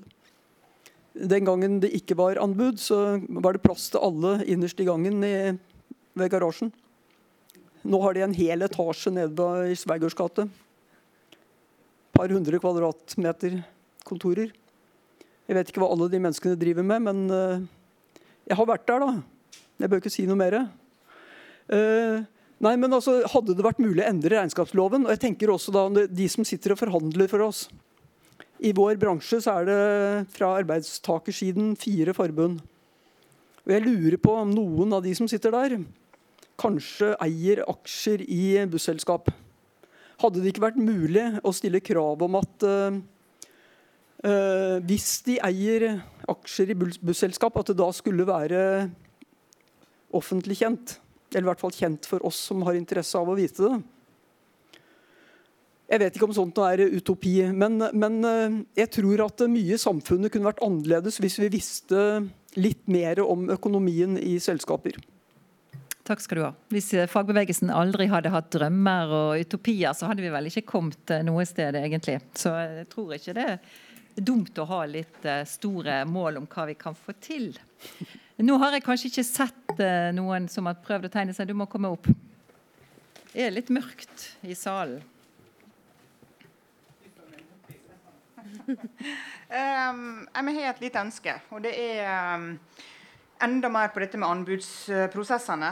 Uh, fordi at um, uh, vi har jo de vanlige anbudsprosessene der at uh, en bedrift blir satt opp mot en annen bedrift. Men vi har jo et mye større problem med tanke på bedrifter som kanskje er sterke i fagorganisering. Eh, den bedriften jeg kom ifra, var, var vi faktisk oppe på 60% i fagorganisering. Og da er jo løsninga for den bedriften eh, å opprette nye selskap. Selskap som ikke har tariffavtale, for å underby sitt eget selskap i samme, samme uh, anbud. Um, vi har jo et, um, et kjempeeksempel rundt omkring på flyplassene våre. Avinor, som i utgangspunktet var et selskap som var 100% dekt av fagforening.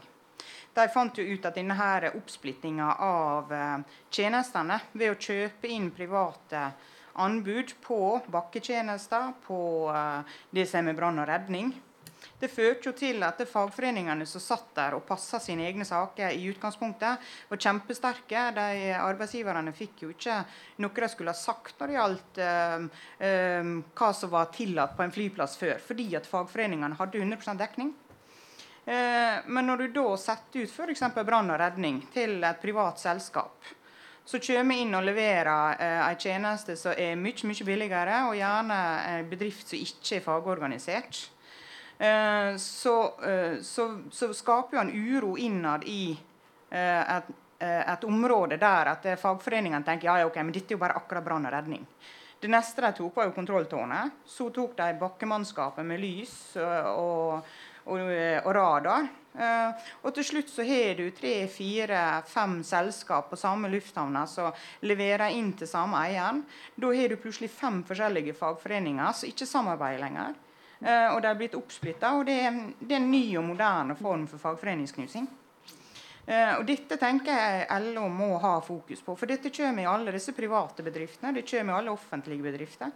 For Så lenge de kan greie å sette noe ut på anbud, så vil noen som kan levere tilbud til noe som ikke er fagorganisert, noe som ikke er tariff, da kunne komme på banen. Og for å komme tilbake til Securitas jeg kommer fra, så danner jo de eh, det som vi kaller PSS. Altså Det er en, en stor bedrift med 2000 ansatte uten tariffavtale. Og de forteller jo sine egne ansatte at det, det, er bedre for dere å være uten tariff, for da kan vi levere inn på et marked. Hvis, vi, hvis dere krever tariff, så kan ikke, kan ikke vi levere lenger. Mm. Og så tar du et anbud med kanskje levert 40 vektere. og Så tar du 20 av dem og setter dem ut til den bedriften uten tariff. Fordi at de skal bare levere servicedelen av vekteryrket. Og da har vi et kjempeproblem. Og dette kommer til alle andre også. Når de begynner med den oppsplittinga, så er dette ren fagforeningsknusing. Og dette mener jeg vi i LO er nødt til å ha fokus på. Og opp mot politikerne så må de også være bevisst på dette her. Og Idar har bedt om ordet, ja. Idar Hellete, jeg er utreder i De facto. Eh, det er jo rystende å høre mye av det som blir sagt her. og mye av det som en kan jobbe med gjennom fagforeninger og tariffoppgjør, blir jo på en måte brødkrav som en kan oppnå litt forbedringer her og der. Men jeg tenker at det perspektivet som Ingunn trekker opp da, om skillet mellom faglige og politiske krav, er ganske viktig. Og vi står jo hele veien i de posisjonene der det faktisk er store politiske valg, der fagbevegelsen i hvert fall kan gå inn og ta stilling og bruke styrkegrunnlaget sitt til å gjøre noe med det. Et veldig konkret eksempel på det er jo situasjonen vi står oppe i under korona. Altså, vi har vært inne på det. Krisepakkene som ble gitt fra Stortinget, gir en enorm fordel til arbeidsgiverne eller arbeidskjøperne versus det som blir gitt til arbeidstakerne og det som vi står overfor. Én ting er i Norge. Hvis en går inn og ser på hvordan den samme prosessen har blitt gjennomført i USA Jeg leste en artikkel om det i sommer. Altså, det er fortsatt at jeg fortsatt er lamslått det er en overføring av verdier i samfunnet som har skjedd på de syv-åtte månedene, som er helt utrolig. Det ville ikke vært mulig i Norge fordi USA er et grunnleggende annerledes for, eh, organisert samfunn, men så langt har det gått. I Norge, i Europa og internasjonalt hadde en en kolossal mulighet under finans- og gjeldskrisen i 2007-2008 til å organisere samfunnet, ikke minst bank- og finansvesenet, på en grunnleggende annen måte. Hvorfor det? Jo, fordi bank- og finansnæringen var i realiteten konkurs. Dere husker det sjøl. DNB, den mest solide, største norske banken, den var ikke i stand til å oppfylle sine daglige likviditetssituasjoner pga. at pengene var der ikke. Muligheten var der der og da til å gå inn og sosialisere, dvs. Si, gjøre på en måte store deler av norsk, europeisk finans, bank og finans om til delvis offentlig eller helt offentlig. Men det var nesten ikke på bordet engang. Det var noen på venstresida, noen enkelte her og der som snakket om det, men det gled ut i sanden. Og Da står en i den samme situasjonen nå, tolv år etterpå, at bank og finans holder på å skyve ikke bare norsk økonomi, ikke bare liksom europeisk økonomi, men internasjonal økonomi utover stupet, og det blir forsterka pga. Av, av uh, koronaen. Liksom, hva kan en gjøre da? En tredje situasjon som en er i akkurat nå, da, som ikke bare er faglig, men som er politisk, er at akkurat nå og i ukene framover så skal en kjempesvær, en kjempeviktig sak knytta til akkurat det vi snakker om nå, anbud, konkurranseutsetting, oppsplitting av arbeidsvilkår, avgjøres i Stortinget. Det er jernbanepakke fire. Det er snakk om å gjøre det ut på en måte irreversibelt å drive jernbanen i offentlig regi. Har vi nok fokus på dette? her? Jeg føler denne bataljen ganske internt og er aktiv i Nei til EU og, og, og de facto òg med på det. Det står om veldig få stemmer i Stortinget. For en gangs skyld så har han altså fått Arbeiderpartiet med til å si, legge ned veto. Og det står på noen veldig få stemmer i Frp, i KrF. Men på en måte det å kjøre skikkelig trykk på, en, en, på en måte, muligheten for en politisk seier, eller i hvert fall å stoppe en irreversibel utvikling mot konkurranseutsetting av norsk jernbane. Altså, de fleste skjønner det. Bare å si det. Konkurranseutsetting av jernbane i Norge det kan ikke gå bra. Altså, alle som kjenner topografien og grunnlaget for uh, å drive med jernbane, skjønner at det kommer til å bare gå én vei. Og bare kommer til å tjene noen andre. Muligheter for en kjempegevinst. Og så det siste da, i forhold til stortingsvalget neste år. Ja, altså det, Måten det beskrives her, hvordan en blir tyna av arbeidsgiverne, handler jo om at de har makt og midler til det. Og Grunnleggende sett så handler det om økonomi. At de har skapt seg så store ressurser mm. at de kan tyne arbeidsfolk i Norge på en annen måte enn de kunne for 10-15-40 år siden. Mm. Da handler det om to ting. Det ene er jo at en må sette spørsmål om alternative eierformer og eh, kapitalformer på dagsordenen igjen. Når var det siste norsk fagbevegelse gjorde det i særlig stor grad? En snakker jo ikke om det. En kan ha arbeiderstyrte bedrifter, en kan ha eh, samvirkestyrte bedrifter, en kan ha lokalt eierskap knytta opp til en helt annen form for enn den private aksjekapitalismen som en har i Norge i dag. Det er fullt mulig å reise de spørsmålene som politiske saker også i fagbevegelsen. Det andre er jo spørsmålet også, Et annet spørsmål som vi òg neglisjerer for mye når vi snakker i fagbevegelsen, er spørsmålet om skatter og avgifter. Stikkord altså Thomas Piketty han har skrevet to verk som handler om den enorme inntekts- og formuesforskyvningen som skjer fra arbeidsfolk til kapital. Hvordan det nå er tilbake på 1910- og 1920-tallsnivå. Fagbevegelsen må våkne opp når det gjelder spørsmålet om skatt og avgifter. Vi er nødt til å gjøre noe med formuesskattene, vi er nødt til å gjøre noe med måte, toppskattene, vi er nødt til å få tilbake arveavgift osv. Hvis vi i det hele tatt skal kunne ta opp kampen mot disse folka. For Hvis ikke så bare, har de rett og slett så mye makt at de bare knuser oss. Og Det er, liksom, det, er det politiske. Og Derfor må vi på en måte gjøre noe litt mer distinkte grep i forhold til og, hva som er våre politiske krav, og hva som er de faglige. Takk.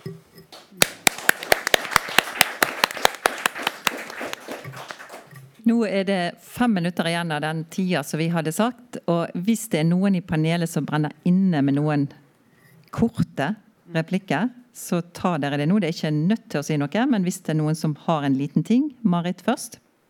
Det, er, det er jo, ligger høyt å si, sitter langt inne og motsi deg, Idar. Eh, men eh, jeg blir nødt til å gjøre det. Det med arbeidereide bedrifter det har jo da den ulempen at eh, arbeiderne da vil tjene på at at, at, det er mer å tjene på eiersiden enn på arbeidersiden. Altså, Man blir sittende på begge sider av bordet hvis man eier bedriften. Eh, I hvert fall så er jeg blitt eh, advart mot dette av eh, mine kjære kolleger fra de fjerne østlige land som har eh, vært borti noe lignende. Eh, det er i hvert fall en sånn struktur der som, som kanskje kan være uheldig. Jeg, jeg, tenker at denne saken om akkurat den konkrete tingen tar vi opp i en seinere runde.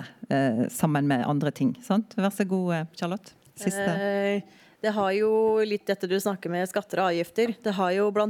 gått en debatt med hva er liksom arbeidende kapital. ikke sant? Jeg mener jo vi bør lansere at arbeidende kapital det er de fakta, folka som faktisk gjør et arbeid der ute.